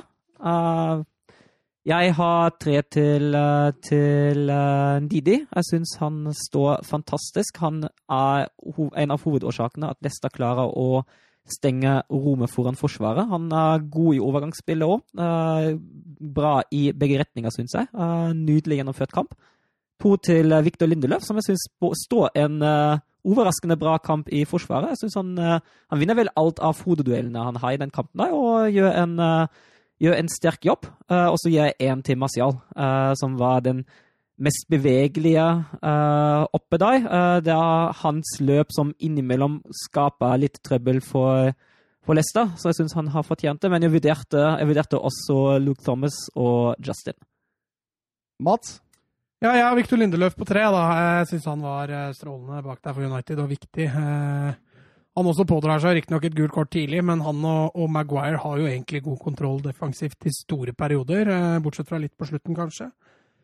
Eh, så har jeg faktisk to poeng til Luke Thomas. Jeg syns han var eh, Leicesters kanskje beste offensive, offensive spiller. Og så har jeg Ndidi på ett poeng. Jeg vurderte Van Bissaka, jeg vurderte Brennan Williams. Men landa på to Leicester-spillere, faktisk, i et 0-2-tap. Ja, jeg har uh, Ndidi på tre poeng, jeg. Jeg syns han egentlig tar totalt lurven av Bruno Fernandes. Du ser jo ikke Bruno Fernandes ut på fotballbanen der. Har, har han rett og slett i lomma. Eh, jeg har James Justin jeg da, på, på to poeng, syns han, eh, med farta si. Eh, det er så viktig med den farta hans, ellers hadde United fått mye, mye mer. Han løper opp, han er safe i det defensive spillet og syns han behersker de aller, aller fleste. Og to Leicester-spillere du òg? Ja, jeg har det. Uh, og det, jeg kunne endt med tre, fordi jeg også vurderte jo Luke Thomas. Men uh, jeg satte Lindeløf på siste. Han var Uniteds beste. Jeg syns det vil være galskap uh, å gi poeng til noen offensive, sånn som Søren gjorde med Martial. Jeg syns United spilte en horribel offensiv fotballkamp. De blir redda av et To tabber. Ja, to store tabber. Og ellers det, så Det er nesten ingenting de har. Det var nesten altså, vi ingenting. sa det jo underveis nå, at det er litt tilbake til gamle synder. Ja, så eh, det, det måtte bli Lindeløf for meg på den siste. Mm. Manchester City-Norwich, vi kan jo gå fort igjennom. Det er jo Powerplay i, to ganger 90 minutter. Altså, jeg må bare, altså, Det brødene, herregud, for ja. en spiller. Og, ja. altså, det, som, det, som er, ja. det, er ikke, det er ikke nødvendigvis de fine, de fine målene han skårer, men det står 4-0. Det er 82 minutter, og han gjenvinner ballen ved, eh, ved motstanderens boks og lager 4-0 pga. det. Altså, han, det er de siste ti minuttene i sesongen, og han bare kjører på og peiser på og går i, går i gegenpress med en gang. Det, det er imponerende, altså. Ja, han, uh, Kevin De Brøne var fantastisk. Han er ikke best i Premier League, da. Han er vel det. Han er, han er jo det. det er de, han er vel det. Journalistene i England ja, er ikke enig med deg. Nei, men det får en bare ikke være. altså. Fordi å velge Jordan Henderson Din favorittspiller for Liverpool! Ja, men altså, jeg ser jo jobben han gjør. Eh, Dean, Hender Nei, eh, Dean Henderson. Det var, en annen. det var en annen. Jeg ser hvilken jobb Jordan Henderson gjør. Og jeg ser han er viktig for Liverpool i det, men det er jo bare det at det, Altså, Liverpool kunne vært tre ganger bedre med en bedre ballspiller enn eh, Henderson, som likevel er god til å dekke rom. Altså, han er jo bare et produkt av Liverpool sin suksess. Det er ikke pga. han Liverpool har suksess, hvis du skjønner hva jeg mener. Det er jo galskap å gi årets spiller til han. Det er totalt hjerneblødning. Altså, og så kan du sitte og tenke da, på hva spillere som Kevin De Brøne, for eksempel, tenker når denne figuren fra, fra, fra, Sunderland, eller hvor han er, får årets spiller. Det, er jo nesten morsomt. Altså, ja, men det er altså, Kevin De Brønes sesong kontra Jordan Henderson, liksom. Det er, ja. altså, jeg har ikke ordet! Det er jo skandale! Ja, det er det. Jeg er helt, jeg er helt enig, Thomas. Men Norwich, den var litt uheldig òg. De prøvde fikk, jo! Den fikk en tidlig scoring adulert er Korrekt riktignok, men veldig marginal. Og Pukki, da. Ja. Ja, Hvor vaksinert er du ikke? Hæ? Ja, ja. Men, men jeg tenker på at Norwich de, Når de våga å spille av presset, så fikk de jo noen sjanser. Mm. Men veldig ofte så bare lempa dem. Ja, men de gjorde jo det på hjemmebane mot City, husker du det? Ja. Da spilte de jo nesten som City i perioder. Var da de vant 1-0, var det ikke det? 3-2 eller noe? Ja, 3-2 var det, ja. Stemmer det. Det var jo Det var jo Otamendi som hadde vel to uh, store forsvarstabber mener jeg å huske. Kevin De Brøne, 13 mål og 20 assist, inkludert i 33 mål denne sesongen. Det er det høyeste en sentral midtbanespiller har fått i Premier League siden Frank Lampards 09-10-sesong. Ja, Henderson er mange av dagene. ja, men jeg, vi, vi, vi, kan Altså, han måles jo ikke på mål. Jeg skjønner den greia der. Det, det har jeg ingen problem med å, å forstå, men det, det, blir for dumt. Eh, femte gang i historien eh, City skårer 100 pluss i toppdivisjonen. Eh, dem eh, var også det eneste laget som gjorde det denne sesongen. Og Stirling er den første engelske City-spilleren som skårer 20 pluss, siden Brian Kidd skårte 21 mål i 76-77-sesongen. Stirling har vært bra, Ja. spesielt etter koronaen. Ja, Han sleit jo litt i høst, husker jeg. Det der, han er en av grunnene til at jeg datt ut av, av Fantasy. Så, nei, han har vært bra, han. Spesielt eh, ja, seint på året. Litt igjennom også Newcastle-Liverpool. Det var jo en kamp det var ingenting å spille for. Nei, men Newcastle fikk en pangstart. Eh, Shelby som er veldig kjapt i hodet, og slå et Ja, eh, Men Vinaldum der. Ja, ja, ja, for all del. Her, ta et kjapt frispark! Her, at det går av! Ja, Fortsatt, fortsatt bra jobb av Shelby, da. Jo, skal ikke ta fra ham, men han hadde jo ikke hatt muligheten til hvis. Vinaldum hadde gjort jobben sin. Å holde på den ballen litt lenger. Men det blir en slags powerplay i denne kampen etter hvert òg. Ja, da, Liverpool får jo på stjernene sine etter hvert der, etter å ha starta med litt uh, ymse. Men uh, utover i matchen så blir det jo et ganske stort Liverpool-trykk. Ja. Det gjør det. Van Dijk setter 1-1 her. Det er fin heading. Ah, det er strålende, egentlig. Den ballen brukte lang tid altså, Ja, på å komme seg i mål. Keeperen ligger jaggu lenge i lufta der òg. Og kampbildet fortsetter jo i annen omgang. Origi setter vel 1-2 som det siste han gjør, omtrent. Ja. Ja. Fin mål, det òg. Drar seg fint inn der og tilbake igjen i korthjørnet. Fint. Han er liksom- På slutten så viser han seg litt, og så er han totalt borte resten av sesongen. Han får ikke spilletid, Nei, da. han gjør jo ikke det. Han gjør jo ikke det, stakkars. Divok. Nei, Jeg syns ikke så synd på ham etter han var i Wolfsburg, da. Var han dårlig i Åh, Oh, ja da. Det virker egentlig som at han ikke gatt i det hele tatt. Så, så satt han i løpet igjen, løp igjen. Så det var, det var deilig. Deilig å se. Det virker som han vil i Liverpool, da, men det, det er noen som er foran i køen. Det er det, ass. Eh, Newcastle prøver jo etter 1-2 å komme litt fram. Og det, det, det, altså, jeg tenker det. Du ligger under 1-2 mot Liverpool, og så skal, nå må vi framover på banen, og så setter Jørgen Klopp inn Firmino, Salah og Mané Ja. i samme bytte. Ja, du får deg en sånn liten oi, fader Men det er jo, altså Newcastle gjør jo bare det de må, så det måtte jo nesten gå som det gikk. Det. Mané curler inn 1-3 mot slutten der, og Liverpool vinner nok en kamp. Har 99 poeng denne seriesesongen. Sterkt. Ja, vi like mange som City hadde i fjor, tror jeg. Ja, det kan godt hende. Ja. Ja, de satte vel klubbrekord også i flest poeng i løpet av en sesong, så det har vært en uh... 18 poeng foran City. Ja, det er mye. Det er fryktelig mye. Uh... 33 poeng foran United. Ja, det er enda mer.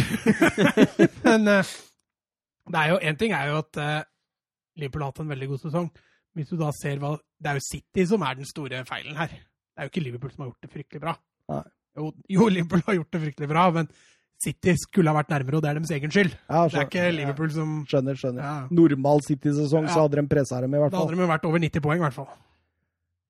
Virgil van Dijk han er den femte spilleren i Premier League-historien som har spilt hvert eneste minutt. Har dere- Quiz-spørsmål, dette. da. Ja, har dere er, er, er- det, men det, I historien, sa Ja, du? det er vel en del keepere der, vil jeg tro. Nei, det er ingen keepere? faktisk ingen keepere. Oi. Det er eh, Ja, jeg kan ikke få fire andre midtstoppere, faktisk. Oi, såpass. Uh, Ferdinand? Nei. Nei. Midtstoppere? Ja. Oi, den er, den er fin. Det skulle vært quiz-spørsmål. Ja. Et quiz-spørsmål. Han ene han har spilt litt høyreback og venstreback også for Chelsea. Uh, han spiller Kuwait, da. Han gjorde det i 16-17-sesongen. I 15-16-sesongen så var det kaptein og stopperen på det vinnende laget. 15-16. Det var Lester, det var, det var West Morgan. Helt riktig, Søren. Helt riktig. altså. Og eh, i 14-15-sesongen så var det en annen midtstopper enn kaptein på Stamford Bridge. Det var Terry. John Terry. Ja. Og så må vi helt tilbake faktisk til 92-93-sesongen. Da var det kompanjongen til Steve Bruce i Manchester United. Pallister? Ja, Gary Pallister som gjorde det. Så det, det, det er prega av midtstoppere, det greiene der. En liten eh, snartur. eh, Jeg kan ta det eh, på slutten av Premier League, det spørsmålet du viste meg. Ja. Um, en liten snartur til uh, Westham Aston Villa også, for det blei jo en eh, en spennende fotballkamp. Ja, det blir jo veldig viktig, uh, både med tanke på det Watford drev med i Arsenal, og med tanke på at Burnworth uh, vant, jo, vant, jo, sin kamp. Uh, så da var det en del på spill for Esten Villa, og Esten Villa måtte prestere. Og det holdt jo på å gå ganske så dårlig etter ti minutter. Nesten. ja. Det har vært litt typisk Aston Villa, ja. de greiene der, altså. Og, det, og, jeg tenker jo også etter at Jack Grealish setter den der 1-0-skåringen som bare får absolutt alle skuldrene til alle som elsker Aston Villa. Sånn rolig ned igjen. Og så tar det ett minutt. ja, så sitter den, og du, altså Som Villa-supporter da, så venter ja. du på 2-1 og nedrykk. Ja, altså, altså, altså, typisk at når han først sitter uh, Jeg syns jo, altså, jo, ikke Westham skaper noe særlig mye, unntatt den, uh, den store sjansen. Noen halvsjanser begge veier. Uh, men når han først sitter, er det et langskudd som går via en spiller og kommer i sånn loppkurve over keeperen og senke seg i hjørnet. Altså. Det, det, var nok litt befriende å vite at uh, Watford lå så dårlig an. Og det ja. tok jo litt tid, da, i hvert fall, før Bournemouth skåra 1-0 her. Men uh, ja. Nervene satt nok tjukt. Ja, det var jo flere hensyn å ta, og det, det så du nesten på Aston Villa òg. For jeg, jeg syns de spilte med litt sånn høye skuldre. altså De gjorde det, og de tok ikke mye risiko i den kampen der. Nei. Der var det null risiko hele veien, og ja, Jack Reelish, han er jo fantastisk.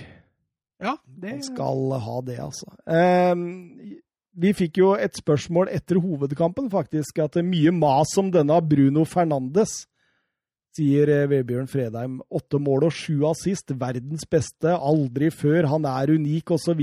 Blir voldsomt jazza opp. Han er jo god, men jeg er enig i at altså, han er ikke verdens beste. Uh, og han får, får alle altså, veldig god overgang av United. Veldig viktig for United og en veldig god fotballspiller. Men jeg er enig i at han blir litt jazza opp. Uh, og jeg tror at han også blir en del jazza opp fordi han spiller for laget Ole Gunnar Solskjær trener. Hadde, hadde, Bruno Fernandes spilt for City eller for Tottenham eller for Arsenal, hadde vi ikke hørt så mye om ham i Norge. Og av de åtte måla, hvor mange er straffespark? Seks. Ja, det er voldsomt òg. Har du vel et frisparkmål òg? Ja. Men, uh, men jeg syns han var veldig viktig for United når han kom, og når han begynte å spille. Da syns jeg han var viktig for United. Men de tre-fire siste kampene til United, så har han, i likhet med resten av laget, vært godt under pari. Altså. Ja, altså jeg, jeg, jeg, tenker vi må vente på fortsettelsen nå. Altså. Ja, det gjør jeg jo. Hva er det United kan trylle fram videre nå? For mm. nå er de andre lagene mer obs på Fernandes, og de veit i langt større grad eh, hva som kommer. Eh, og hvis Fernandes nå ikke øker igjen, eh, kontra det han har vist de tre siste kampene, så blir han jo ikke noe helt spesielt igjen. Sandra sier eh, på Twitter 'Jeg er imponert'. Eh, når jeg Når? Da, Sandra. Å, norskgrammatikken der. Da jeg var sikker på nedrykk for en stund siden, fortalte 90 minutter meg veien til overlevelse. Nøyaktig det skjedde. Takk for håpet. Håpet levde med meg helt til den magiske søndagen. Tror dere Jack Grealish kan bli nå? Ja, vi ga Sandra håp. Ja, du ga Sandra du, ja, håp. ja, dere var vel heller på Watford, Eller? Nei, jeg var ganske stille, følte jeg. Eh, jeg var veldig usikker på hvem som skulle rykke ned. Jeg var mest på Watford, det er helt riktig, ja. Men, men jeg tenker jo den der, som vi var inne på her, da. Eh, veien til overlevelse, den der nøkkelkampen Watford-Westham. Ja. Når de tapte den, så var jeg nesten sikker på at dette skulle gå for Villa. Jo, men når du ser resultatene som har vært etterpå, så vant Villa den ene kampen du trodde de ikke skulle vinne. Mm. Og hadde de ikke vunnet den oh. Ja, men Da kan det hende de hadde spilt annerledes også mot Westham, selvfølgelig, men du skjønner hva jeg mener? Ja da, jo da, jo da. Eh, det var her alle disse svara til Jørgen Nystuen kom fram, skjønner du. Tenkte på det samme selv, sier Jørgen. Nøkkelen var Westham slo Watford. Da ville Watford rykke ned med Bournemouth. Cred. Thomas Edvardsen, skriver han. Oi, jeg får cred. Forresten, Sandra ASL. Han sjekker opp Sandra i, ASL, er ikke det Age uh, Sex Location, da? Aner ikke. Jeg, jeg tror det var sånn der gammel sånn uh, spørsmål om Hvor hun skriver 'står i bioen'. Ouch. Skal vi svare om Grealish blir? Han blir ikke. Nei, enig. Nei, jeg, blir han, Mats?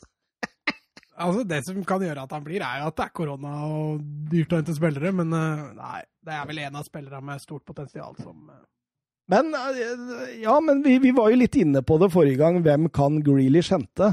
Eh, hvem kan hente Grealish, mener jeg. Hvem kan... ja. Klager på Sandra, og så tar jeg den sjøl. Eh, og, og eh, alle de klubbene vi kom til da, har jo ikke råd. Det var ikke Tottenham og Arsenal vi endte opp med at det var fornuftig, men at United kanskje var det mest Og det er jo fortsatt rykta til United. Ja. Men hvis det er sånn at United skal svi av da 100 mill. euro på Sancho, så veit jeg ikke hvor mye som er igjen i den eh, kassa der, altså. Nei, det er litt sånn jeg tenker òg. AC Milan Atalanta. Kosa du deg med den, Søren? Ja, det var en uh, Eller ja, det var jo det, var jo det var ikke en vanlig Atalanta-kamp, syns jeg. Uh, du kosa deg før kampen? Ja, det var, Gleda deg? Ja, det kan man si. Men uh, jeg synes, altså jeg syns jo Atalanta starter jo best, og så kommer jo 1-0 kanskje litt mot spillets gang. Nydelig frispark av, uh, av Chalanolo. Um, ja, det er klasse. Ja, det er sterkt. Prøver han å skyte? Ja, ja tror det. Jeg tror det. Altså er jo Atalanta best ut, ut omgangen, får en utligna bommer på et straffespark. Men så er det jo en ganske sjansefattig altså det, Er det nesten rødt kort, eller? Til han derre Biglia? Ja. Den er ufin, altså. Den er, den er, den er ikke fin, det. Og dommeren ser ikke heller. Der gjør VAR uh, inn og gjør jobben sin, og får bare gult kort. Mm. Ja. Men uh, soleklart straffe. Ja. Men ja, altså, jeg syns andre omgang er, er egentlig sjansefattig. Så, ja. Simon Kjær var stor. Han var konge i det forsvaret, altså. Milan mangla vel en del spillere. Romagnoli, stoppepartneren hans, var jo ikke der. Ja. Uh, Theo hadde, Theo ja, Fernandes hadde gult kort. Ja. Jeg syns også Zlatan var god til å holde på ball og få med seg laget ut. Så sterk, altså. Ja. Slå de ballene opp på han så lenge de ikke går i bakrom og han må løpe etter den. Ja. Så lenge han får den i kropp. Det passer jo bra, det med å ligge litt lavt og så lempe opp og så flytte laget etter. Ja, altså, Det var jo du... det de ofte gjorde. Ja, altså så har du Rebic og Hva som spilte på høyrekanten igjen? Var det Hakan? Sjønuglu? Shalanoglu. Så løper litt rundt Zlatan her. Det kan jo bli bra, det, men jeg syns ikke Milan fikk det helt til i den matchen her. Selv om oppspillet på Zlatan stort sett fungerte. Og når jeg satt og så denne kampen, så tenkte jeg dere trenger Josef Ilicic. Det, det, det, er akkurat mm, sånne kamper her han avgjør for Atalanta. Uh, ja, du ser Atalanta trengte den, ja. ja. Ikke Milan. Nei, Atalanta trengte den ja, okay. for å åpne Milan der, og åpne for Kjære, jeg syns det, det, er en av de bedre prestasjonene jeg har sett denne sesongen av uh, hvem som helst midtstopper. Altså. Det var helt strålende. Han var bauta. Ja, han var helt konge, altså. Um, det, det, altså det er jo to av laga som var i best form etter uh, pausa. Men de har jo fortsatt, da. De nulla hverandre litt ut. Ja, de gjorde jo ja. det. Fortsatt ubeseira etter pausen. Deilig. Mm. Ja, Spørs nå, da. Spiller ikke Atalanta mot uh, Parma nå? Jeg tror det, skjønner du. Jo, de gjør det. Inter og etterpå. Atalanta leder 2-1. Ja, Nei, de har vunnet 2-1. De har vunnet 2-1. Kulusevski skåra. Talentet mitt. ja. Han går til Juvan? Han går til Juvan. Genoa-Inter da, gutta. Genoa åpna best, men Inter jobba jo så inn i matchen. Og det blir jo egentlig en jevn kamp etter hvert utover. Ja, jeg syns, etter det første kvarteret Jeg er enig med deg. Jeg er nå best det første kvarteret, men etter, etter ca. 15 minutter begynner Inter å, å, ta, å ta, over her. Um, og så kunne de jo hatt, tatt ledelsen eh, etter Brozovic-sjansen. Det var jo helt tilfeldig at den fikk den muligheten. Den kunne vel det. Ja. Men uh, er ikke ufortjent at uh, Lukako heada i føringa. Gå på blindsiden av Zapata der. Mm. Zapata, hva han driver med der, han? Han ligger og spreller. Han, får, han har ikke kjangs til å få tak i Lukaku der. Lukaku, ja. Han er så god i, i sånne type kamper. Altså, var så redd for at dommeren skulle blåse frispark. Det ser ut som et frispark. Ja, ja. Men uh, når du ser i reprise, så er det jo bare Zapata som er kløne. Victor Moses ute i annen omgang der, han var jo også en av de beste spillerne på banen. Ja, han var det. Han gjorde en god jobb på høyresida. Men altså, tenker jeg, hvis du, hvis du ser på 2-0-skåringa uh, Sanchez? Ja, han mm. går jo ned den linja. Blir ikke angrepet, han får jo bare nesten i midtstreken, og så går han og går han, og så kommer det en som stiller seg sånn bitte litt i veien, og så tar han en enkel finte rundt og slår det innlegget. Altså, hva er det for noe forsvarsspill? Nei, det er jeg helt enig med deg. Det var eh, elendig forsvarsspill. Imponerte ikke på markeringsspillet. Nei, helt gjorde, de gjorde jo ikke det når Sanchez satt 2-0 der. og Lukaku kontrer jo inn 3-0 eh, der. Ja, men altså, Strålende. Der er, der er han overraskende nett, kan ja, man si det. Men, men, er ikke dette Lukaku fra Everton-tida? Akkurat det der. Ja, og Anderlecht-tida. Ja, det var liksom da han, liksom, når han ikke ble most i Manchester United, liksom. Så var det, det, det var bare å sette krumme nakken og, og, og kjøre på. Men det Altså. var litt slalåm, det var litt balanse. Han viste litt uh, gode, gamle takter der. altså. Hans 23. Serie A-mål. Det er sterkt. Mm. Fortsatt langt bak. ja, voldsomt òg. Eh, men eh, Inter, ja. 3-0-seier. Conte kan bygge videre. Tilbake på andreplass. Ja, Neste sesong så er det jo Contes berømte andre sesong. Ja, han, eh, og det er jo så mange eksperter nå som er ute og sier at de tror Inter tar hegemoniet Ikke tar hegemoniet, men eh, bryter opp hegemoniet til Juventus neste år. Så neste år, Thomas, da kan du tippe Inter. Da da, da, skal jeg får jeg lov. skal jeg være med. Er, er du med meg på Inter? Så ser jeg han overgangsmarkedet, men uh, Skal vi sitte jeg, og kose oss med Conte og Ikke jeg tar Atalanta. åh, Den kommer aldri til å vinne. Nei, gjør ikke det. Napoli-Sassolo. og jeg syns litt synd på Sassolo. Ja, fader, det var parodi, ass. Men de fikk alle fire mål de fikk annullert, var jo riktig. ja, ja, men Men at ja. når de er så marginale at dommeren og linjemannen ikke vinker flagget, men at den må gå Ja. til VAR da. Men første, Hadde det ikke første vært VAR, på så hadde Sassolo vunnet 2-4, eller? ja. Jo, jo, men, men do- linjedommeren har jo tunge flagg, da. Så kan jo hende han hadde vinka. Den ja. ene var jo på, det, på det første vinka han jo, da Ja, han flagga åpen. men to av dem er jo så marginale at eh, du må jo inn med disse Ja. linjalene sine, disse Ja. dommerne, for å se det. Og når du får fire annullerte mål Ja, for offside, da har du, da har du ikke dagen, altså. Napoli vinner 2-0 etter scoring av Hysai og Allan eh, Hysai. Det var vel hans første for Napoli på På nesten mm, 200 kamper, ja, var det det? ja. Jeg så han hadde ett fra Empoli-tida òg, så det er målfarlig. Herman, denne høyrebekken fra Albania. Eh, men eh, ja Det er jo Sassolo spilte jo brukbart. òg. Var-. Napoli, som har vært bra form, de har en nedadgående formkurve, men de vinner kamper for det. Så all honnør til Gattusso og gjengen. Sassolo har aldri holdt en clean sheet mot Napoli i eh, Serie A. Det er ja. Det er litt spesielt. Mm. Hellas Verona mot Lazio. Altså, Begynte jo bra, da. For hjemmelaget, altså. Ja, fordi altså, den første omgangen er jo ikke all gæren. Nei, jeg, jeg syns egentlig de, eh, de, gjør, de gjør det bra akkurat som de gjorde mot, eh, mot Atalanta. De er flinke til å, til å stå imot og til å ta ut uh, Lazio. Så ja, det er egentlig helt greit jobba, det der. Amrabat setter 1-0 på straffe der etter Louis Felipe Men hva- ja, hva driver han med, altså? Herregud. Det kan du lure på.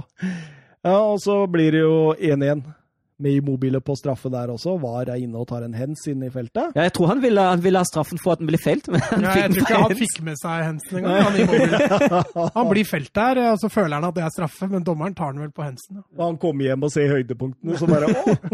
Det var det jeg fikk eh, straffe for.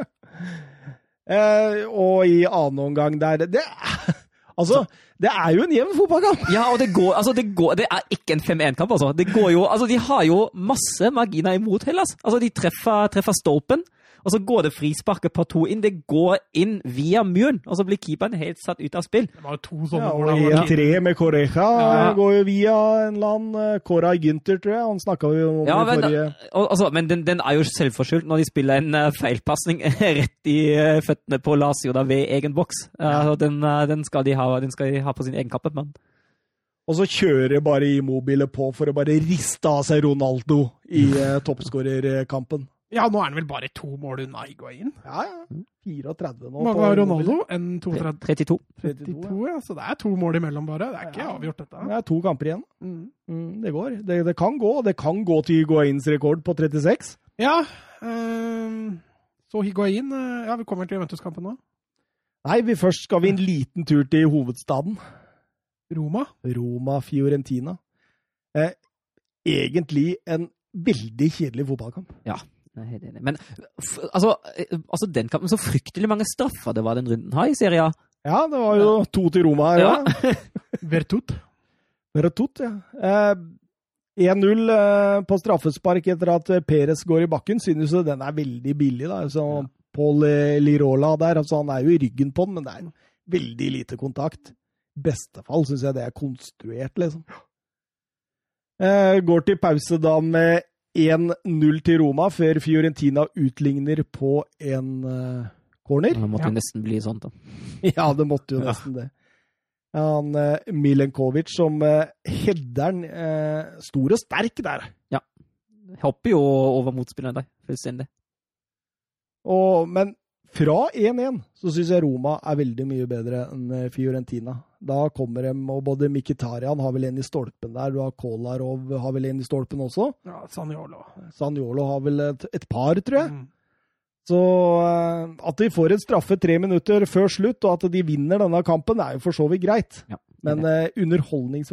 Men den straffesparket der, var ikke det også sånn at han blir tatt et, Sjeko blir tatt etter han avslutta? Men der, altså jeg syns det er grei straffe, fordi keeperen kommer i så voldsom fart mot Tsjekko der. Vinkelen for å score er jo minimal, og det er jo farlig spill. Mm. Han tar jo beina på Tsjekko der eh, glatt. så Men, men, men syns du Watford sin mot Arsenal er straffe?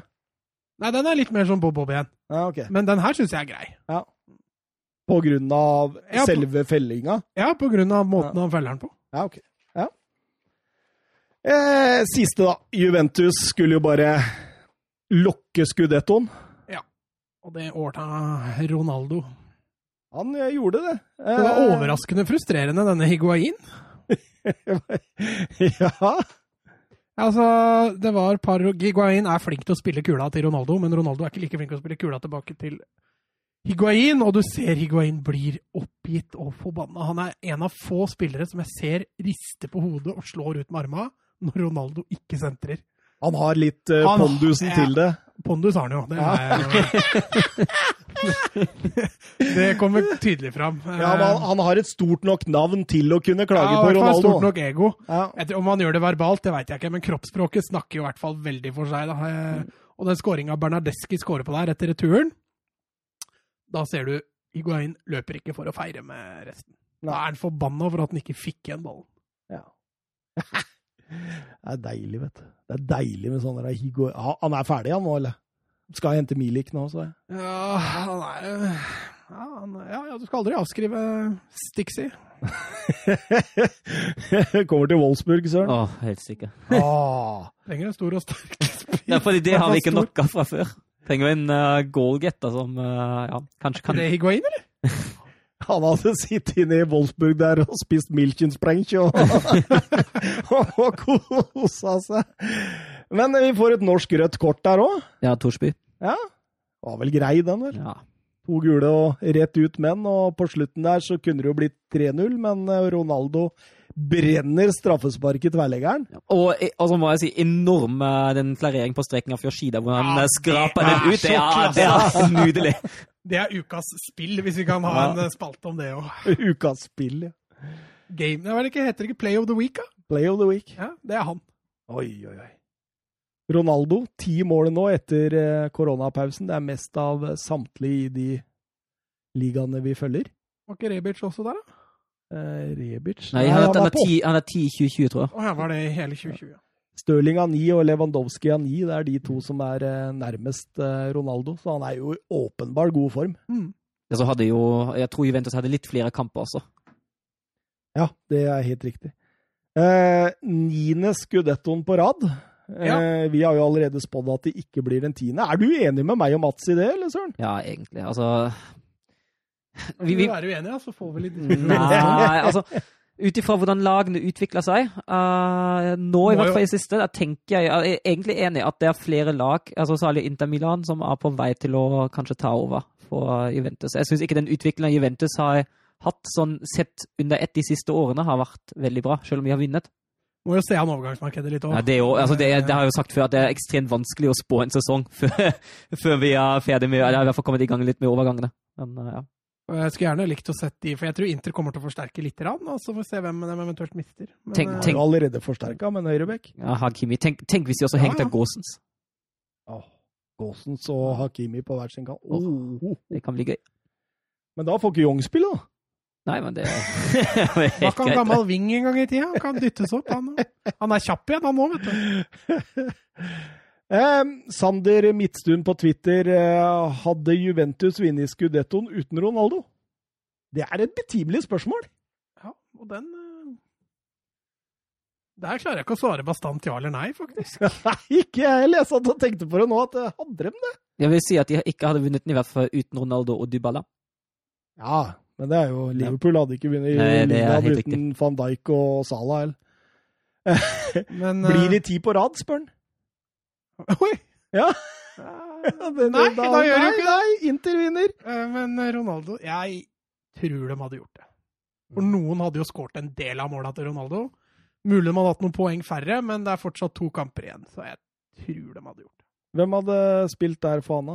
Eh, Douglas Det Costa? Douglas Costa Det måtte jo hatt en annen spiller òg, da. Ja, det måtte jo kjøpt De den. måtte jo hatt en annen spiller. Ja, ja. Brukte jo 900 millioner på kjøpen. Altså. Det er dyrt for en gammel, gammel eh, Det har jo vist seg å være verdt det, spør du Ja, meg. Det har vært eh, gode investerte penger, selv om det er selvfølgelig veldig mye penger.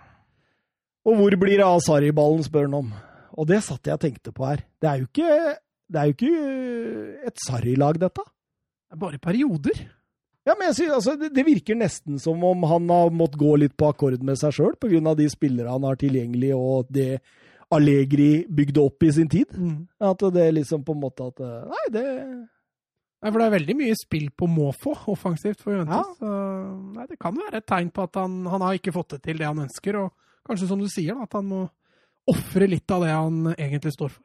mm. Men eh, de er videre i Champions League, og de vant Scudettoen, så det må jo være en Ja, tapte jo finalen i Coppa, Coppa nå, så de har jo gjort det. Det har jo vært en OK sesong, men det er jo en del rykter om at Sarri ikke får fortsette. også. Ja, at du hørte Pochettino var linka der nå. Mm. Oi, oi, oi. Søren, Ja. årets lag i Bundesliga? ja, det er gøy. Åh, vi har alle gjort våre forberedelser og kommet fram til det vi vil ha. Vi poster laget på Twitter som vanlig. Oi, ja, ja. Det ligger en bak PC-en din. Ligger det en penn bak PC-en min? Ja, du må nærmere der. Det ligger til og med to bak PC-en din. Den ene var knekt, tvers av. Kan du hjelpe meg, Mats? Her har Der har vi en penn, for vi må jo notere hvem vi velger, Ja, det må du. sånn at vi kan få det ut på Twitter. Keeper, har vi noen alternativer? Ja, jeg landa jo på tre. Eh, Jeg hadde Radeschki, jeg hadde Sommer, og så hadde jeg Noyer. Radeschki Radetsjki syns jeg tapte seg fryktelig på slutten, og det samme sier jeg også om Sommer. Eh, jeg landa på Noyer. Han syns jeg var relativt solid eh, gjennom hele sesongen. Ja, jeg er enig med Mats, bare at jeg også har vurdert uh, Gulashi og Byrki. Som også hadde Hadde du ikke med Castells? Jo, han har så. Han Uh, var jo brukbar, han òg, men Han han, han han hadde jo noen Jeg kikka litt på han Freiburg-keeperen òg. Schwolow? Ja, ja, altså, det, er, det er jo det som er så gøy med Tyskland. Du kunne ha tatt med Svolov, du kunne ha tatt med Gikiewicz, du kunne ha tatt med Bauma. Du kan jo ta med halve ligaen, for Tyskland er jo et land med gode keepere. Ja, var ikke det han kløna? Ja, det var han som kløna det til med Freiburg i 2015 eh, mot, mot HSV. Det stemmer Ja, det. det er nydelig. Men eh, jeg er uenig med dere, da. Det er litt moro, for jeg har tatt Jan Sommer, jeg. Ja, det er det, ja. Høyest eh, redningsprosent i eh, Bundesligaen. Den som har redda flest skudd i løpet av sesongen i Bundesligaen. Men han har jo også noen tabber. Ja, det har han, men, men får, nå får ikke Noyer det presset på seg heller som det Sommer gjør. Altså, det er, det er lettere å være keeper når du har et forsvar der og laget eier ballen og sånt. Og, og det, det, Jo, men Noyer har jo noen fordeler han som Sommer ikke har også, i forhold til at han er bedre med ballen i beina, som du må være Mm. når du spiller på Bayern. mm. Den egenskapen har jo ikke Sommer. Nei, jeg skjønner det blir to mot én her, men jeg, vil, jeg, ville, jeg, jeg ville ha sommer. Eh, Det var mitt valg. Noyer, da. 33 kamper, 15 clean sheet. Har redda én av fire straffespark. Serie- og cupmester. Det det er jo helt innafor å ta den med. Det er det. Syns jeg, syns jeg. Helt greit. Høyrebekka, gutta. Eh, Søren, da Ja, kan da, du begynne. da har jeg gått for Hakimi. Eh, jeg vurderte, vurderte også Pavard. Jeg vurderte Lars Benda. Um, men uh, endte med Hakimi. Hvis jeg bare hadde sett, uh, sett året 2020 isolert, kunne jeg også ha vurdert Kevin Mbabo, uh, men han var for svak i, i første halvdel til å Ja, hadde du nominert han, da hadde jeg hoppa ut vinduet her. Altså. Bare vent, nå kommer snart Ja, jeg, jeg, var, Brooks kommer jeg, var, jeg var ikke langt unna, for han, han spilte kjempebra i, i 2020. Han har jo dessverre nå fått korona. Eh, Så det er meget, uh, meget tvilsomt at han blir klar til returkampen i Europa League. Men altså, uansett, det blir Hakimi for meg, altså. Eh, Sterk, eh, så, så snart Dortmund bytta til, til femmerlinja, var Hakimi fantastisk. Han eh, trives i den rollen. Han er offensiv. Han er ja, nydelig spiller. Har du, har, Jeg skriver, jeg skriver under på det. ja, du skriver under på den? Mm. Ja, men det gjør for så vidt jeg òg. Der, er der har vi faktisk tre stemmer. Er Jeg, det jeg, tap det for Bundesliga at han blir borte? Jeg, eh, jeg vurderte også Stefan Leiner. Syns han Mm. eh, var brukbar eh, for Borussia München-Gladbach i denne sesongen. Um, Konrad Leimer også for RB Leipzig, men han spilte jo også en del på midtbanen. Ja, han, jeg, vil, jeg vil si at han er med en midtbanespiller. Ja, men det, RB Leipzig ja, den brukte jo tre millioner høyrebacker, de. Ja, og så brukte de høyrebekker på stopperen. Ja. Da rullerte jo hele det laget der. Eh, Venstrebekka, Mats. Nei, det var egentlig ganske enkelt valg. Det var der jeg brukte kortest tid. Jeg hadde Benzebaini, din favorittspiller. Oh, Jeg hadde også Gureiro, eh, men lander jo selvfølgelig på, på Davies. Ja, ikke noe, ikke noe Nei, annet å legge til. nei, altså, det det, gidder ikke jeg. Det gidder ikke jeg å diskutere imot. 29 kamper, tre mål, fem assist, serie- og cupmester. Må jo selvfølgelig ha med Alfonso Davies i sin virkelig gjennombruddssesong, eller Ja. kan vi kalle det det? Ja, absolutt. Og som venstreback. Mm. Var jo ikke der han starta sesongen, mener jeg. Nei, det var, det var jo Kovac i sin siste kamp mot Frankfurt som putta han inn der. Og nå, Søren, nå har jeg et spørsmål. Hvor mye tror du Mats Granvold kommer til å gjøre for å kjempe inn Jonathan Ta inn på Nei, han kommer ikke til å gi seg før vi har han inn. bare Mats, bare kom med det. Jonathan Ta. Du, han er ikke på lista mi. Oi, oi, oi, oi, oi, oi!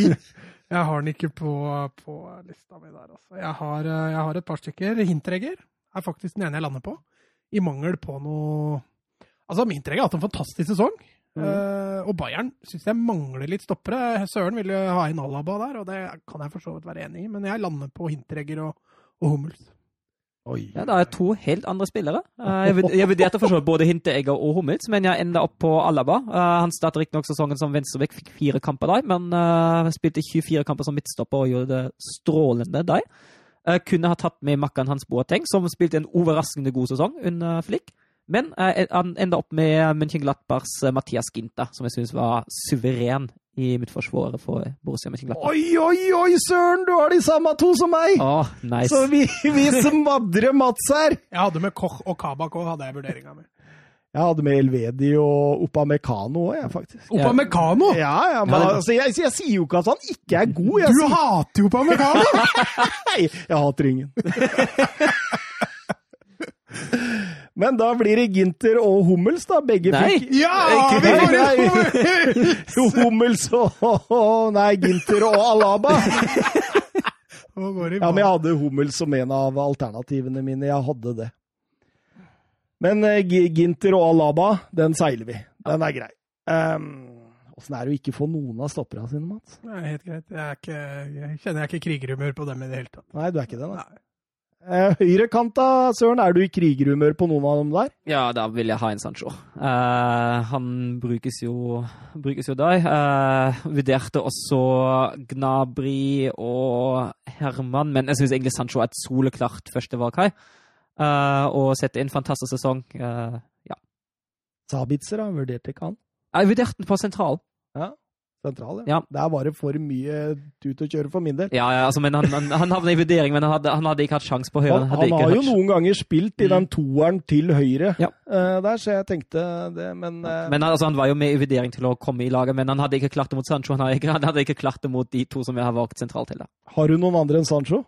Altså, Jeg har jo tre kantspillere da, som jeg er VG, altså, jeg er egentlig åpen for å bruke alle tre. Uh, og Samme på høyre eller venstre, men jeg har jo Sancho og Müller og Turam. Eh, jeg, hvis jeg skal velge, så blir det Sancho på ene og Müller på andre. Men jeg er åpen for å ha med Turam. Da seiler vi i hvert fall eh, Sancho eh, på høyrekanten. Det er ingen tvil om for meg. Eller 32 kamper, 17 mål, 16 assist. Det er strålende levert. Eh, Venstrekant, da. Får vi jo Du snakka om Tyram, eh, du snakka om, eh, om Müller. Ja, hvis Sancho blir høyre, så får jeg nesten si Müller på venstre, da. Men jeg er jo selvfølgelig åpen for, eh, for Turam også. Eventuelt Havertz var jo fantastisk på slutten. Jeg har også vurdert eh, Rashica og, Kostic, eh, Gnabry, som Søren var inne på, men, men det må nesten bli Müller eller Turam, altså. Ja, jeg havna på Mulla knapt foran Turambo, men det, altså, vi kan jo ikke ta med ikke Thomas Müller. Han har jo hatt en fantastisk sesong. Eh, Nei, da må vi jo få plass til den sentralt på midten i så fall. Ja, og det ser jeg, jeg kan bli vanskelig. Det får jeg ikke plass til heller. Så altså, Turam var god, for all del. Uh, men Turam var ikke Müller eller Kimmich uh, eller noen av de andre gode. Ja, men jeg, jeg kjøper den og kjører Müller på en venstre kant sånn innover. Jeg, jeg, jeg kjøper den. Det er greit. Mm. Selv om jeg hadde vel egentlig Tyramia som sånn rein venstre. Jeg syns han har vært strålende. Ja. Sentral på midten, da. Ja, der er jo Kimmich i hvert fall skiller seg veldig ut, så han, han må jo med. Og så er det jo vært vurdert eh, Goretzka, Brandt, Havertz hadde jeg også sentralt, Zakaria. Eh, Noyas var jo også innpå, Serdar. Det var veldig vanskelig, men jeg, jeg lander faktisk på Brandt sammen med Kimmich sentralt. Eh, det sto egentlig mest mellom han og Goretzka på hvem jeg skulle velge. Ja, da har jeg valgt akkurat andre. Jeg er helt enig i Kimmich. Eh, Jeg har valgt eh, Goretzka. Eh, Jeg syns Brandt eh, varierer fortsatt for mye på sitt beste av Brandt genial. Mm. Men når han er av, er han skikkelig av, og da finner han på ganske mange rare ting. Men er du ikke enig i at Goretzka også har variert litt? Goretzka, Goretzka har, Spesielt i starten. ja, jeg syns Goretzka har starta svakt, men så snart Flick tok over, var jo han, var jo han helt sjef, nesten. Så jeg syns han, han har prestert konstant i et halvt år nå. Så det er derfor jeg har blitt valgfaller på Goretzka knapt foran Brandt. Men da kan vi seile Joshua Kimmich i hvert fall. Det kan vi gjøre. Han er eh, bankers eh, inn der. Så da blir det siste, da. Brandt, Goretzka, jeg og Havertz. Ja. Jeg, var på Havertz. jeg tenkte først kant på Havertz. Ja, da. Ja. Nei, men jeg vil ha han inn der. eh, han inn. Da altså, har vi defensiv defensive Kimmich, og så har vi offensive Jeg Havertz. syns Havertz var for svak hele høsten. Ja, det er Han var- jeg Ja, men enig. Goretzka, da. Han spilte jo ikke på høsten. Ja, for jeg var skada. Ja, han, han har eh, Goretzka har bare 24 kamper i år. Ja. Han har seks mål og fem assist. Ja, vi tok med Alava på 28, da. Ja, men 24 er vesentlig mindre enn 28 når du spiller eh, Hvor mange kamper er det? 34. 34? Eh, Brann altså- hadde jeg som et alternativ på venstre kant, jeg. Eh, men han nådde ikke opp der. Jeg, jeg, jeg er faktisk litt villig til å slåss inn Havertz her, altså. For vi kan ikke ha et Ja, men, årets lur. nei, ja, altså. men Havertz var jo ikke noe Ja, han, han, husker har vi spilt, satt der helt fram til jul og var Ja. misfornøyd med prestasjonen Ja, til Havertz. han spilte Etter 17, jul, da? han spilte Ja, da har han jo vært kjempebra. han spilte liksom. 17 gode kamper og 17 dårlige. Det havna til slutt midt på. Ja, men eh, det er jo, de 17 gode kampene er jo nesten det Goretzka har, da. I totalen, liksom. Ja, da får vi ta Brant, da. Ja, men er han Altså, da, da kan vi kjøre Brandt ut venstre og Müller eh, sentralt. Ja, Brandt har jo vært best sentralt. Han har jo, uh, har jo hatt sine beste kamper Ja, jo, sentralt. jeg jeg er enig i det, men uh, Ja, nei. Her har vi kommet til dead end. Ja, Altså, jeg, har det. Jeg, jeg, digger, jeg digger Havertz også, for all del, men uh, hvis man ser altså, 30 kamper, 12 mål og 6 assist på et lag som ikke kom til Champions Ja, League og engang. had- hadde vi, hadde vi, hadde vi vurdert, eh, hadde vi vurdert uh, perioden fra jul til sommeren, hadde vært benkers. Jeg har vært selvskreven på det laget der, men vi vurderer hele sesongen, og jeg syns den Men, høsten var for svak. Har du Haaland på laget, eller? Mm, han er i hvert fall i vurderinga. Ja, Hvorfor er han ikke på laget ditt, da? Haaland? Ja. Nei, fordi jeg fant to spisser som har skåret mer. Og du gikk kun på mål. Men, for Haaland òg har jo bare spilt fotball i Tyskland siden Ja, men nyttår. Da kan jeg informere om at han er ikke på mitt årets lag. Så, så, så, fordi jeg mener jo det Og at Havertz har jo også kun spilt bra fotball siden jul. Han hadde enkelte kamper før jul òg som han var bra. Det hadde han. Dere kan ikke bare si at vi slår en strek. Skjønner jeg? Ja, men Skjønner, han jeg, ser, jeg ser skillet. Jeg gjør det. Han hadde enkelte kamper etter jul også, da han var dårlig mot Wolfsburg, var han helt av, for eksempel. Han var Ja, ja. en helt krise. Men, men 12 mål og 6 assist på 30 kamper. Jo, men Havertz har ikke spilt så mye sentral midtbane. Hvis du skal sammenligne sammen med Han spilte litt falsk nier, men han har spilt en del sånn Han har jo spilt eh, i treeren også. òg. Ja. Og så har han, jo- altså Hvis du sammenligner Havertz og Goretzka som spilletyper, så er det Ja, Du kan, du kan ikke sammenligne mål og det, det, assist med de det, to. det, det er jeg enig i. Det er jeg enig i. Det er du må jo nesten se hvordan de spiller med sine kvaliteter. Men samtidig så må du vite det at Goretzka spiller på Tysklands desidert beste fotballag. Ja, Havertz gjør ikke det. og har kjempa seg til en fast plass der. Jo, jo. Men uh, likevel. Ja, nei, Det er en bra argument, Søren. Ja, spiller jo faktisk fast på Tyskland som et klart beste lag. Ja, han gjør jo det, men det, det gir også betingelser over at han har en enklere jobb enn Havertz, for eksempel. Ja, på, Når du er kamp, ja. Men Ja. det er jo ikke dermed sagt at det er enklere å spille seg til fast plass i Bayern. Men hvem er det du argumenterer for nå? Skulle ikke du argumentere for Brant, da? Eh, Jo, jeg vil heller ha Brant enn Goretzka, det er helt riktig. Jeg priser det offensive. Eh, Men, men jeg også er veldig glad i Havertz, og jeg skal ikke stå hardt på noe her. Så jeg er egentlig mest for å få deg til å argumentere at jeg sitter nå og er vrang. Ja, men altså, for, for min del så er altså, jeg, jeg gir meg nesten ikke. Altså, vi må ha inn Havertz i dette laget her, fordi det er så strålende. Han, altså, han spiller for en klubb, da, under Peter Bosch, som blir nummer fem. Og han er den desidert beste spillerne i laget, liksom. Det er ikke noen som er i nærheten engang av hva han gjør. Og hvis, det, eh, hvis den offensive Altså, de har en Diaby som veksler litt av og på, men uh, han er jo Bayer Leverkosen i denne sesongen, og spesielt uh, etter, jul. etter altså, Argumentet du bruker med at Leverkosen blei først bra når Havertz ble bra, det er jo helt riktig. Leverkosen var ikke all verden før jul. Det var jo først når Havertz begynte å blomstre, at så sånn sett så bærer han jo mye av det laget offensivt. Han gjør jo det. Men det som, det som har gjort at jeg ikke falt på Havertz, var jo det at han, han har ikke vært god over en hel sesong. Men eh, jeg, skal, jeg, kan godt uh, føye meg. Altså. Hva sier kicker? De har sikkert et eller annet årets lag eller noe sånt. Ja, den har jeg ikke sjekka. Jeg har kicker foran meg, faktisk. Å, hva, hva, hva har Sa, Sabitzer. Fint. Nei, de, men de spiller ikke 4-4-2, de har 4-2-3-1. Men åssen er laget til kicker? Kom igjen, da. De har Noyer i mål, og så har de Pavar og Davies på bekkene. Og så har de ja, Ginter Pavar, ja. og Hummels på stopperen. Og så har de Sabitzer og Kimmich sentralt. Sancho Werner på kantene, Müller off midt og Lewandowski på ja. Så den uh, de, de, har lagd et system for å få på plass alle spillerne de vil ha der. Ja, mm. de har flytta opp, sånn at de får med både Men vi skal presse dem inn i 4-4-2, og det er litt gøy, for da kommer disse diskusjonene. Nei da, men jeg føyer meg, jeg. Så da får du ta diskusjonen med Søren. Føyer du deg, Søren? Nei, han gjør ikke det. Egentlig ikke. Nei, da, da, kan vi sitte her, da, Søren. Nei, men uh, jeg skal ikke sitte her i en evighet. Kan, dere kan ta to mot én, det er helt greit. Men, uh, altså, jeg, sagt... Mats er mer på Havertz enn Goretzka. Du er det? Ja, men uh, jeg... Nei. Men, jo, men det, det, kan vi gjøre. For da kan Mats Du kan bare altså, Hvis jeg tar topp tre, da. Hvis jeg skal velge min topp tre Altså, jeg har satt Brant. Jeg må nesten si det. Og Brann tar jeg nummer én, så ville jeg satt Goretzka, og så hadde jeg sagt Havertz. Men da syns jeg det blir Goretzka, for da blir det en slags to mot én, så da skal jeg gi meg på den. Men at jeg vil ha inn Havertz, det, det må bare stå skrevet. Ja, og som sagt, hadde, hadde vi vurdert et annet tidsrom i hele sesongen, hadde jeg vært helt med å digge Havertz. Uh, ja, men, det, ja, men, men, men, det er bedre å spille dårlig enn å ikke spille, vel?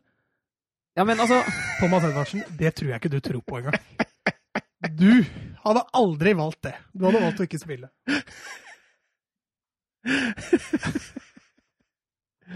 Hva med Aksel Witzel? jeg har nederst. Jeg tror jeg nominerte åtte eller sånn. Witzel er sist. Florian Neuhaus. Må jo nevnes. Var god. Neuhaus. Ja, var god. Ja. Sånn. Nevnte jeg den ikke? Jo. Du gjorde kanskje det. Nei, men det er greit. Eh, vi kan ikke sitte her i hele dagen, så Søren, du skal få den. Goretzka og Kimmich. Det blir Bayern tungt så det synger, dette her. Ja, det er kanskje ikke så rart. Nei, men hvor mange poeng vant de med? De vant to serier under slutt, Ja, sju-åtte eller noe sånt. da. Det var jo ikke Ja. Eller Dortmund lot seg jo slakte sist, og så blir det jo 10-11. Angrepa, der er vel ikke noe diskusjon, tror jeg? Nei, det blir Lewandowski og Werner for meg. Ja, nei. Lewandowski og Werner, det blir det samme for meg, faktisk. Kan jo si at jeg vurderte uh, Ver Verhos, Plea, Forland og Haaland i tillegg. Ikke en Bolo? Jo. Ja, for en Bolo var jo strålende en periode der. Mm. Men han er jo liksom ikke verdt, han er jo ikke den målskåreren, liksom. Men Nei, han er den som liksom kombinerer og Ja, altså, han, han har jo han har jo variert litt. Altså, han, han, hadde jo en del kamper der han var skikkelig, skikkelig god, mm. og så var den andre kampen der han var helt av. Og det kunne gjerne komme så ganske tett oppå hverandre. Det var jo et av årets kjøp, egentlig. Ja, ja. Jo, altså, han fikk jo aldri til de Schalke prega av skader, store forventninger, eh, klubbens dyreste innkjøp, og så fikk Lapper ham for 10 millioner euro. Det har jo gjort seg betalt, absolutt. Mm. God spiss. Men uh, da leser jeg opp uh, 90 minutters uh, årets lag i Bundesliga, så ser jeg om jeg har fått alt det riktige her. Manuel Neuer i mål. Hakimi høyrebekk, Alfonso Davies venstrebekk. Og så har vi Alaba og Mathias Ginter stoppere. Sancho høyre. Og så får vi da Müller på venstre. Kimmich og Goretzka sentralt. Og Lewandowski og Werner på topp. Er vi enige da? Brukbart lag, det. Ja, var det ikke det vi satt om? Jo, det var vel det. Thomas legger ut Havertz han i morgen på TV. Ja, ja, ja. Gi meg ikke, vet du. Gi meg ikke. Tar den kampen. Litt rykter eh, på slutten må vi selvfølgelig ha med, og eh, vi har fått et par Twitter-spørsmål som passer å ta inn i denne bolken. Eh, Geir Halvor Kleiva spør Spå tre overganger dere mener er bankers på å komme til å skje, og tre overganger som er litt mer tvilsomme, men at dere virkelig håper skal skje? Ja, skal jeg starte? Ja, Jeg har tenkt litt, jeg har tenkt litt på det. Jeg syns det er et fint spørsmål. Eh, og Simen til Napoli, uh, den uh, tror jeg blir klar ganske så kjapt. Hvem da? Oshimen? Oshimen, ja. Mm. Det, den, den tror jeg er Li- benker seg har jo allerede begynt å se Ja. etter erstatter. så. Um, jeg tror også Leverkusen og Chelsea blir enige om Havertz. Eh, Jeg tror Havertz går til Chelsea. Alt tilsier jo det. Chelsea spiller Champions League når han vil vekk, og de kommer til å bli enige om en pris. Og så tror jeg at Leipzig og Bremen klarer å forhandle seg fram til en overgang fra Rashica, eh, selv om det akkurat nå fortsatt er i en tidligere fase av pokerspillet. Eh, men Bremen sliter med penger. Bremen må selge noe. Uh, Klasen har allerede sagt at han skal bli. Uh, Rashica er det mest logiske salgsobjektet. Rashica har lyst å dra til Leipzig. Og selv hvis det blir noen konkurrenter for Leipzig, Rashica får en fast plass i et Champions League-lag som jeg ikke ser han nødvendigvis får andreplasser. Så den der tror jeg går gjennom den òg. når det gjelder, til, når det gjelder Ja, men vi, vi, vi må Ja. Bankers. Har du noe for bankers, eller? Jeg har ikke noe å legge til. Spania er jo så dødt på de ryktefrontene, så jeg har ikke noe Jeg, jeg er ganske sikker på at United får Sancho, jeg. Nå, nå, nå kom han der han der anerkjente tyske Bilt eh, Hva er han heter? Christian Falk. Falk, ja. Ja. Falk. Sa jo det nå at han hadde sikre kilder på at de hadde brydd 98 millioner euro. Det er jo ikke langt unna den grensa som uh, Dette er førstebudet, ikke sant? Jeg tror Sancho kommer til å gå til Manchester United. Det har blitt ganske sikker på det. At det er en bankers. Og så er jeg ganske sikker også på at eh, Juve har eh, slitt og kjempa for å få tak i Raúl Jiminez. Har fått et klart nei. Dette ble vanskelig. Da går vi for en lignende spillertype, for vi må ha inn en sånn type spiller. Milik. Den er ganske safe på å gå igjennom. Hvor har du lest det ryktet? Eh, hvor Nei, er det jeg har lest det? Det kommer kanskje. Jeg har skrevet ned noe eh, godsnakk her. Ja, ja. Eh, Vi fikk Jo, no, no, det var eh, drømmeoverganger, holdt Ja. jeg på å si òg. Eh, det er jo det er Tore Martinez til Barcelona. Den hadde jo vært kjempegøy å få til. Den som Mats snakka litt om tidligere. Eh, jeg leste i dag et rykte om eh, at eh, City og Guardiola jakta Ferran Torres, og den hadde jeg også likt å se. Fordi jeg tror det kan være en eh, veldig god match. Å se Ferran Torres i Premier League under Guardiola, få ham til å blomstre litt, det kan jeg se for meg kan bli veldig morsomt. men det gikk jo faktisk rykter om at uh, han har fått lov Ja. å snakke med City og har blitt enige om en femårskontrakt. ja. Ja. Så det er, det er så langt det Ja, ryktet har gått. Men det hadde vært, eh, det hadde vært veldig gøy. Jeg er Kanskje ikke helt i den tvilsomme kategorien lenger, men eh, ja. Nei, men altså, Han er jo ikke bankers, men, men at det kan gå gjennom, det Ja, da tror jeg Sociedad blir glad òg, for da roer nok ryktene seg rundt Oyarzabal. og Ja. Eh, og så håper jeg jo at Wolfsburg klarer å signere Wo- Hannovers uh, Linton uh, Meina. En uh, kantspiller, stortalent. Uh, Det tror jeg Stig Halvor Kleiva tenkte, tenkte på nå. Men uh, Det er drømmesignering. er er. Vi trenger jo vi trenger en ny kantspiller, og han er, han er Drit i. Messi Ronaldo, vi tar Meiner. Han er ung, han er lovende, han er en spiller som faktisk kan utfordres, så det er en sånn spiller som vi mangler i troppen. Så den uh, håper jeg vi får. Mats, noen overganger du ønsker skal skje? Ja, altså, jeg har jo vært inne på, altså, Hvis jeg tar mitt eget lag Barcelona, så er det jo Thiago som er den store våte drømmen, eh, som har vært nå i snart ti år. Eh, Det har roa seg litt med Liverpool-linken. Det har gjort det, det er jo lov å håpe at Barca melder seg på, men jeg tror ikke det, fordi ryktene har ikke versert i det hele tatt. Eh, Så det, det tviler jeg på. Eh, Sancho til United tror jeg kunne blitt fantastisk artig. Eh, Det er den høyrekanten de kunne ha trengt. Det er litt synd for Greenwood, selvfølgelig, som mest sannsynlig må, må vike. Men, eh, men uh, artig for Solskjær om han hadde signert, uh, signert uh, Sancho. Og så tror jeg nok også at en av de stoppera som har vært sterkt linka, Skrinjar eller uh, Kolibaly til City, tror jeg kunne blitt viktig for City. Ja. Jeg når, når, han sa overganger vi ønsker skal skje, men som er litt tvilsomme, så kommer jeg over den linken mellom Leeds og Kavani. Tenk å moro det hadde vært med Kavani i Ble Leeds Cavani ikke Kavani bekrefta et annet sted? Eh, Benfica? Ja. Jeg tror ikke det er bekrefta Ah, okay. Men, eh, men eh, det er vel der det ligger an nå, ja. Mm. Eh, men eh, tenk hvor gøy det hadde vært. Var ikke Zlatan nå rykta til i Leeds? Ja, Han var det. Han klarer ikke det presspillet til Bielsa.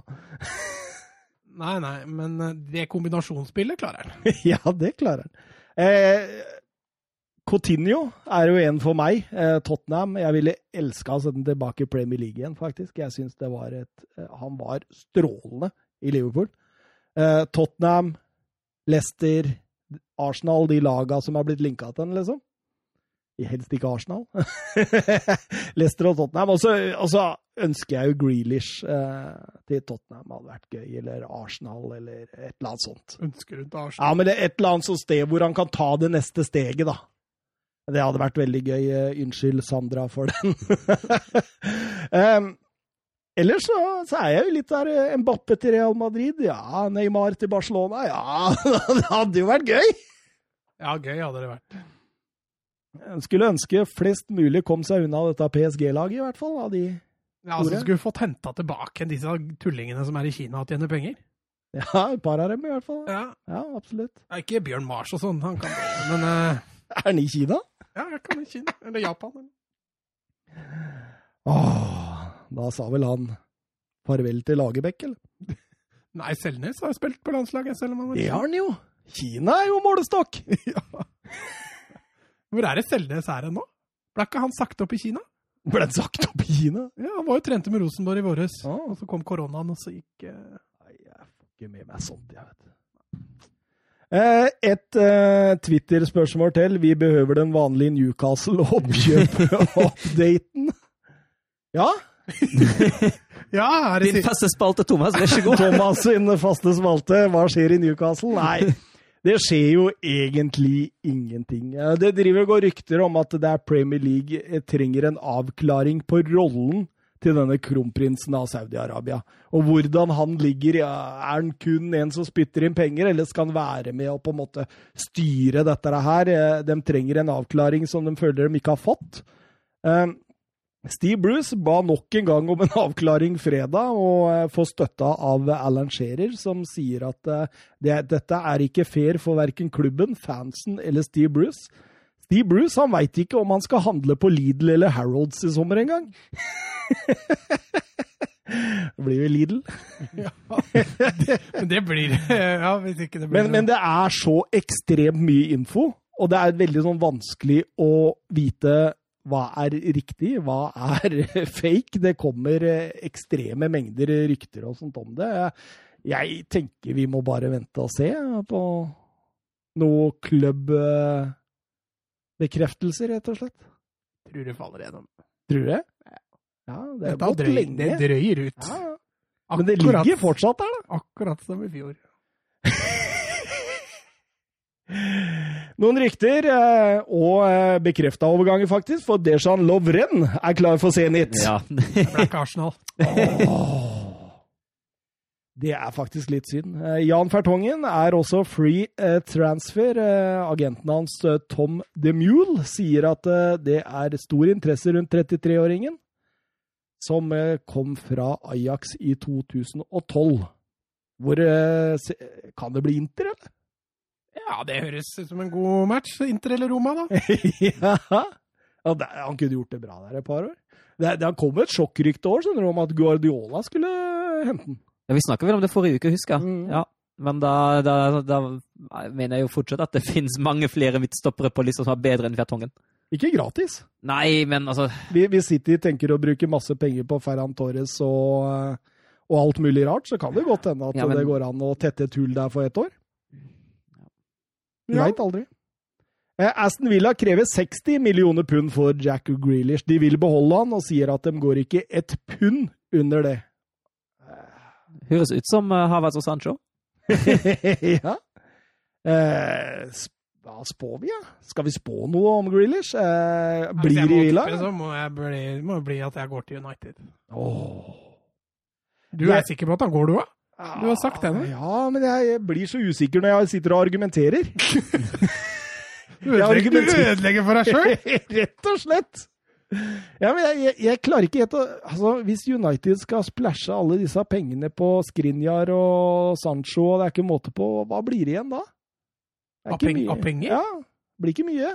Når de selger Phil Jones, så får de jo fylt på igjen. da. Skulle vel ha rundt 20 millioner pund også for Chris Malling, så jeg og splæsjer på Andreas Pereira, ikke sant? Oi, oi, Jesse Lingard, nå skårer han. Nå er Ja, nå gikk han jo opp fryktelig verdi. Merket J-Links skøyt i været på aksjer. Schalke Ås Åsan Kabak er sterkt ønsket av Jørgen Klopp, sier Christian Falk i The Bilt. Ja, eh, er jo en eh, ung og spennende midtstopper. Eh, Han er jo, ikke, han er jo, han er jo litt uferdig eh, fortsatt, men han har masse potensial.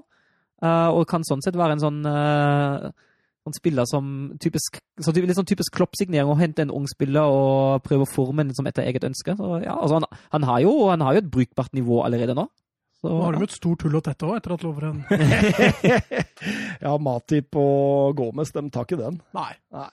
Nei, det blir tungt å tette det Lovren-hullet der. Altså. Tenk å komme til Liverpool nå. Et Liverpool i medgang. Eh, Du er 20 år gammel, stort stoppertalent med ganske mye erfaring faktisk fra Ja. Bundesliga. Altså, altså har du en Virgil van Dijk ved siden av deg. Som gjør alle gode. Ja. Ja, det er perfekt match.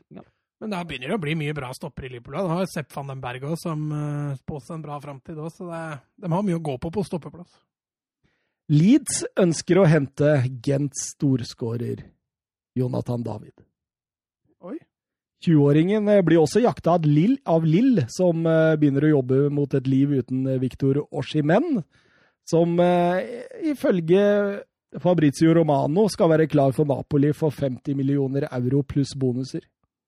Da var det ikke 80 millioner euro, sånn ryktene sa i så fall tidligere. Nei, det var fryktelig mye penger. og Dortmund de ønsker Lills Jonathan Ikone som Jaden Sanchos erstatter, i så fall, sier The Times. Husker du så han Ja, i i 21-EM. Mm. Han var brukbar, han. Ja, han var bra. Eh, litt lik Sancho, så du skjønner liksom den eh, greia. Eh, vi har snakka mye Havertz. Eh, ser jo ut som han blir klar, Ja. rett og slett. Ja. Eh, Inter ønsker å tilby Ivan Perisic til Manchester United for å få Sanchez permanent. permanent. Ha, har ikke Perisic og Mourinho vært en sånn, eh, sånn evig greie uten at det er blitt noe Nei, det, ja, det var jo Mourinho før. Mourinho ville jo ha Perisic eh, Ja, ganske lenge. United ville ha Ja. Perisic siden eh, 2012, de. Ja. Og for første gang de kan få han, så vinner de ikke han. Ja, nei, ikke sant. Det er jo det. Men det er jo sikkert et forsøk fra Inter da, på å skaffe seg Sanchez. Men der, der er det vel lønna som blir et utfordring, er det ikke? Ja, det er vel det, men hvis han vil til Inter, da, nå har han jo gjort det knallbra. Ja, etter korona. Ja, det er helt- strålende. Han er tilbake på Arsenal-nivå, liksom. Mm. Så, se- det, det gikk også et litt sånn eh, løst rykte om at uh, Guardiola vurderte å hente den. Mm. Det gjorde han jo også den gangen han gikk til United. Så var det jo, det var jo prisen som gjorde at City trakk seg. Mm.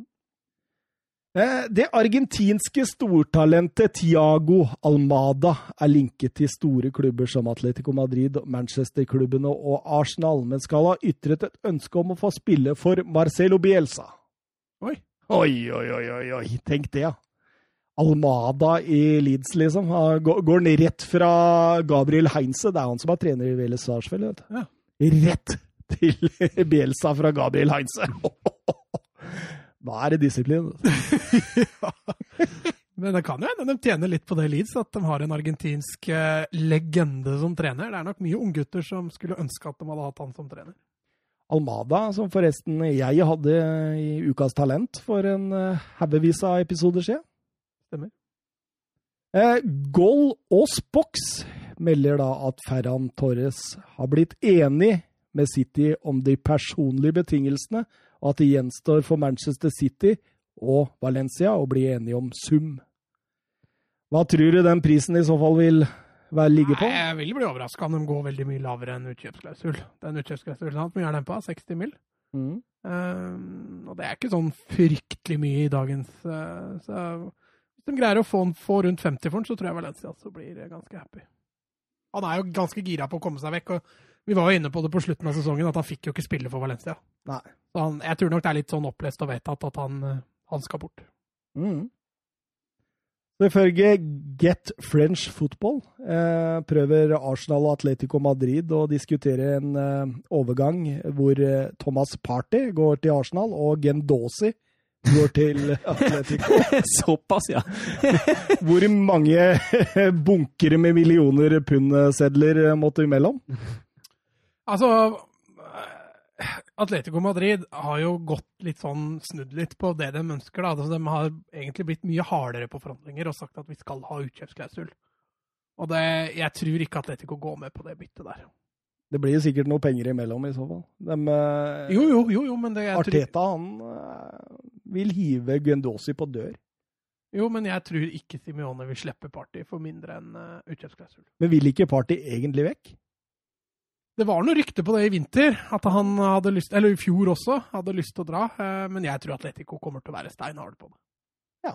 Jeg tror ikke de slipper han for eh, mindre enn utkjøpsklausul. Jeg har mine tvil om dette ryktet en- sjøl. altså, er det ikke- Det er ikke veldig typisk Simione-kjøp å hente unggutter eh, hvert eneste overgangsvindu. Han liker helst litt rutinerte punch boys. Ja. Og det Joao Felix-kjøpet for eksempel i fjor var jo veldig sånn utypisk Simione. Sky Sports Østerrike, Søren, eh, de hevder at de sitter på gode kilder når eh, de sier at Bayern München har tatt kontakt med Norwich angående høyreback Max Arons. Ja, jeg så det nå. Uh, og altså, det gir jo på en måte mening, for de mangler jo egentlig et alternativ på høyrebekk. Uh, de har jo Pavard der, men Odrio Sola det har jo ikke fungert som det skulle i det hele tatt. Så at de trenger en ny høyrebekk, og at de da velger å hente inn en hvor gammel er han, 20, tror jeg. En ung, talentert 20-åring. Det, det er ikke dumt, og jeg tror jo Aarons absolutt har potensial til å kunne ta nivået etter hvert. Spennende de gutta bak der på Norwich. Aarons og Lev Lewis og eh, Godfrey. De må jo dra.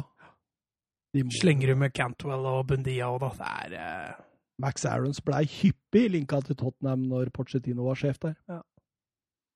Eh, Sky Sports eh, melder at eh, Chelsea har tre alternativer når det kommer til å hente ny keeper, men først må de selge Kepa. Det er mye interesse fra La Liga, så får man se hvor mye av de 71 millioner pundene de får igjen, da.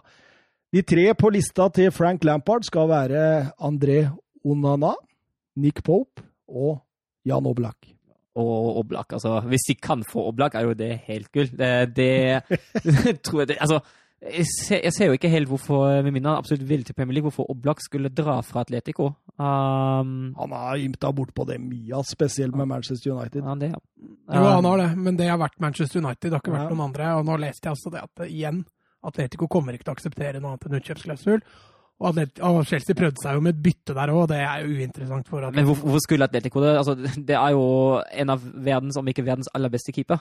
Uh, hvorfor skal de akseptere noe annet enn det som er kontraktfesta? Uh, men når det Men er det må jo være hvis han virkelig vil bort, da, for det er jo ingen som sitter tjent med en spiller som vil bort. Ja, men det, er- altså Hvis ikke han presterer, da ødelegger han for seg sjøl. Se på Bale i, uh, i Real. Det er jo karriereødeleggende. Men uh, Bale har jo ikke ødelagt seg i Real, han. Han hvor mange Champions League-titler har han? og alt? Men hvis du ser oppførselen hans nå Ja, han ikke gidder jeg, det jeg er enig i at det siste halvannet til to åra at det ikke har vært Bale på sitt beste. Det, det, det, Det, var da veldig det kan man si, men, men han har jo hatt en strålende eh, Real Madrid-karriere. Han hvor mange Champions League-finaler har han avgjort, holdt jeg på å si, eller skåret i? Ja, men, han, men han holder jo på å ødelegge karrieren sin nå. Det er jo det jeg mener. Altså, han er fortsatt 30 år, han tjener masse penger. Han spiller golf, og han kan gå til hvilken som helst klubb i Premier League hvis han vil, tror jeg. Han det? Ja, jeg tror det. Jeg tror ikke City tar han, for eksempel. Nei, kanskje ikke Og ikke City. Liverpool heller. Ja, Altså, ja. ja. Men de 18 andre, da. Ikke. United heller. Jo, United ville tatt. Tro meg. Men uh, når det er sagt, uh, Nick Pope hadde jo vært et fantastisk spennende alternativ til å få en keeper. Uh, Han og- er særs undervurdert. Ja, helt enig. Nei, jeg er helt enig. Jeg tror også det er det mest realistiske valget for Chelsea å få til en hva skal jeg si, en normal pris, da, i gåseøynene. Ja, med Onana. Onana kan også, men jeg mener Pope er bedre enn Onana. Ja. Onana Ja. er bedre med beina, ja, det er ingen tvil om, men Pope på streken og i, og i feltarbeid er- og tror han passer bedre i Premier League. Jeg tror Onana kan bli litt puslete. Litt sånn David Egea første året. Eller Kepa. Eller Kepa andre året, helt riktig. Hvem i Spania tror du kunne tatt imot Kepa? Altså, Valencia har vært ganske hyppig på, da. Eh, De er ikke åpenbart veldig fornøyd med Sillesen. Eh, Sevilla og Vaklic har jo blitt langtidsskada, men jeg, jeg tror ingen av de er villige til å splæsje noen store summer for å hente Kepa.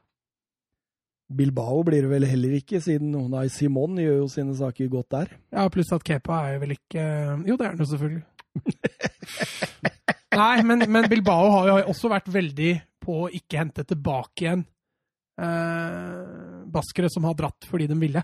Ja, ok. Eh, Du ser jo Jorente kommer jo aldri tilbake igjen. Ja. Javi Martinez er jo ikke tilbake igjen. Dette er spillere som ville ut. Og Der har ikke Bilbao vært veldig flinke til å hente dem tilbake igjen. Nei. Det gror godt i Baskeland. Ja, som du sier, da, Unai Simon har jo hatt en fantastisk sesong. så... Arsenal gjør alt de kan for å kvitte seg med Øzil, det har vi jo snakka om før. Eh, Han har ett år igjen, han har 350 000 pund i uka. Og det er interesse fra USA og Tyrkia, og et salg skråstrek giveaway vil eh, eventuelt kunne frigjøre noe penger, sånn at de kunne gjøre Ceballos til permanent. Ja, jeg hørte nå at eh, den klubben som var interessert, av nybakte tyrkiske mesterne Basaksehir. Og det er jo klubben som, som er knytta til Øzils beste kompis Erdogan. er, det, er det der han der av Fredrik Gulbrandsen spiller nå? Ja, tror det. Ja, stemmer det. Så ja, altså den kan jo fort se den for meg. Problemet er jo at Øzil sitter jo på, på en kontrakt, og han er ikke noe villig til å gå ned i noe særlig lønn. Det er jo litt sånn det Bale-syndromet. Sitter han på tribunen og spiller golf, eller Gå på tribunen. Ja, nå er det jo plass til det. Gi bort Gi bort drakta til Erdogan og hele pakka. Håper det er minigolf. Det er jo rå, vet du. Lager et spiller kamp, så står du på tribunen og spiller minigolf. eh, Coutinho skal, eh, ifølge rapportene, gjøre alt han kan for å komme seg tilbake til Liverpool, men Liverpool eh, virker svært lunkne til å ta Coutinho. Det, det er litt funny. Nå dro han for å vinne Champions League. og på de åra han har vært borte, så har Liverpool vunnet Champions League og vært i en finale, samt vunnet i Premier League. og nå vinner tilbake. Hva er det Barca har vunnet på den tida? Ja, de har jo vunnet et seriegull, da. Copa del Rey. Han kunne like så godt blitt. Han blitt en av de store, store legendene i klubben, isteden så blir det liksom litt sånn skula på som han som dro under prosjektet, liksom. Men eh, det viker ikke interessen for Leicester, Arsenal og Tottenham, som virker de mest realistiske. As we speak, så er det jo klart hva vi leser i morgen. Det kan være noe annet. Eh, Sassolo-vingen Jeremy Boga jaktes av Everton, Borussia Dortmund og Bayer Leverkosen, søren. Ja, det er jo spennende, det. Og, altså, hvis er han gamle Chelsea. Ja, akademispilleren. Ja, og det, det er jo absolutt behov, i hvert fall i Dortmund, hvis de mister Sancho. Og Leverkosen, de har vel uh, De har Bailly og Diaby og Belarabi, men uh, Belarabi er jo litt sånn uh, fattigmann-vare, som vi var inne på. Fattigmann Mares, ja. Det er det ingen tvil om. Så ja, nei, jeg syns absolutt Leverkosen kunne ha trengt en uh, ny, brukbar kantspiller. Ja. Åh, neste uke er det bare meg og deg nå, Mats. Ja, vi må prøve å lure med en, uh, En gjest. en gjest. Søren, du er på Ja, på roadtrip uh, neste tirsdag, da sitter jeg vel i uh, Trondheim, og uka etter Jeg husker ikke hvilken dato det er, et eller annet sted på Vestlandet, men det blir i hvert fall veldig koselig, men veldig sunn. Men jeg gleder meg til å høre episodene mens jeg sitter i bilen og kjører. Åh, Vi skal baksnakke deg så det synger etter. Ja, det er helt greit. jeg hører og sender sure meldinger. Er Tyskland rødt, eller? Eh, nei, jeg tror ikke det. Du, kunne, du kunne dratt tilbake. ja, men det som er greia for meg, når jeg har lyst, når jeg drar til Tuster, har jeg lyst til å besøke familien min, og så har jeg besteforeldrene mine. eh, og besteforeldrene mine bor i omsorgsbolig, og de, de er veldig strenge, for der bor det jo bare gamle folk. Så der bor det jo hele risikogruppa samla, og da har man ikke lov å ta imot besøk. Uh, og det er, ikke, det er ikke helt det som er, som er greia med en tysklandsferie hvis jeg skal besøke familien min, at jeg ikke får sett besteforeldrene mine. Det er egentlig gjerne derfor jeg drar. Det ja. for å få se fotball, og fotball er det ikke nå, så Nei, det er jo mye breddefotball på Vestlandet og i Trondheim. ikke sant. Ja, du kommer til å fylle opp den appen din! Det er derfor du Vi får jo ikke lov! Vi får ikke lov å spille! Hæ? Det er ikke noe fotball. andredivisjonskamper der. Byåsen Ja. og Strindheim og, Ja, det, og Stjørdalsblink og ja, Ja, dem er i Obos. Ja, De er jo bedre enn Lillestrøm. ja. Levanger. Levanger, ja. Ja, ja. ja. ja du, du finner jo noe. Det, det, Sikkert. det, du vet hva, når, når, eh, når eh, samboeren til Søren, vet du, når hun eh, planla dette her så Det var han jo- som planla ja, det. Var, han har sittet med kart til langt opp og, og regna ut kilometer og alt mulig. Alt Du er var med en sånn norgesferie i år. Det gjør Eppen for deg, men Ja, men jeg har ikke så lyst på norgesferie, jeg, Sø- Søren. Eh, jo, ja, alt er planlagt her nå. Lørdag er vi i Levanger. På tirsdag er vi i Strindheim. Og så drar vi opp til Bossåkorp Og så, Bossekorp. hva er det det heter? Bossekopp, er det det Ja, du tenker? er Bossokorps. Bossekorps. Nei, søren, du skal få lov å stelle deg på perrongen nå og vente på toget!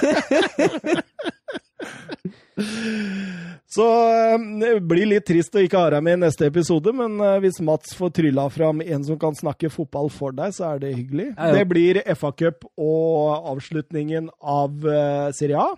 Ja, det blir ikke på tirsdag, da. Vi må finne en annen dag. Ja, men det, det finner vi. Det er seriestart på Gjelleråsen gutter 19. Så. Men eh, mandag, klarer du det? Fordi jeg drar onsdag. Ja, da må vi prøve å ta det tidlig. Ja, men jeg har fri. Ja, tidlig var tidlig, da. Ja, trening Skal Vi, ta vi, dette? vi, vi, vi sier ha det bra, vi. Ja, ha det.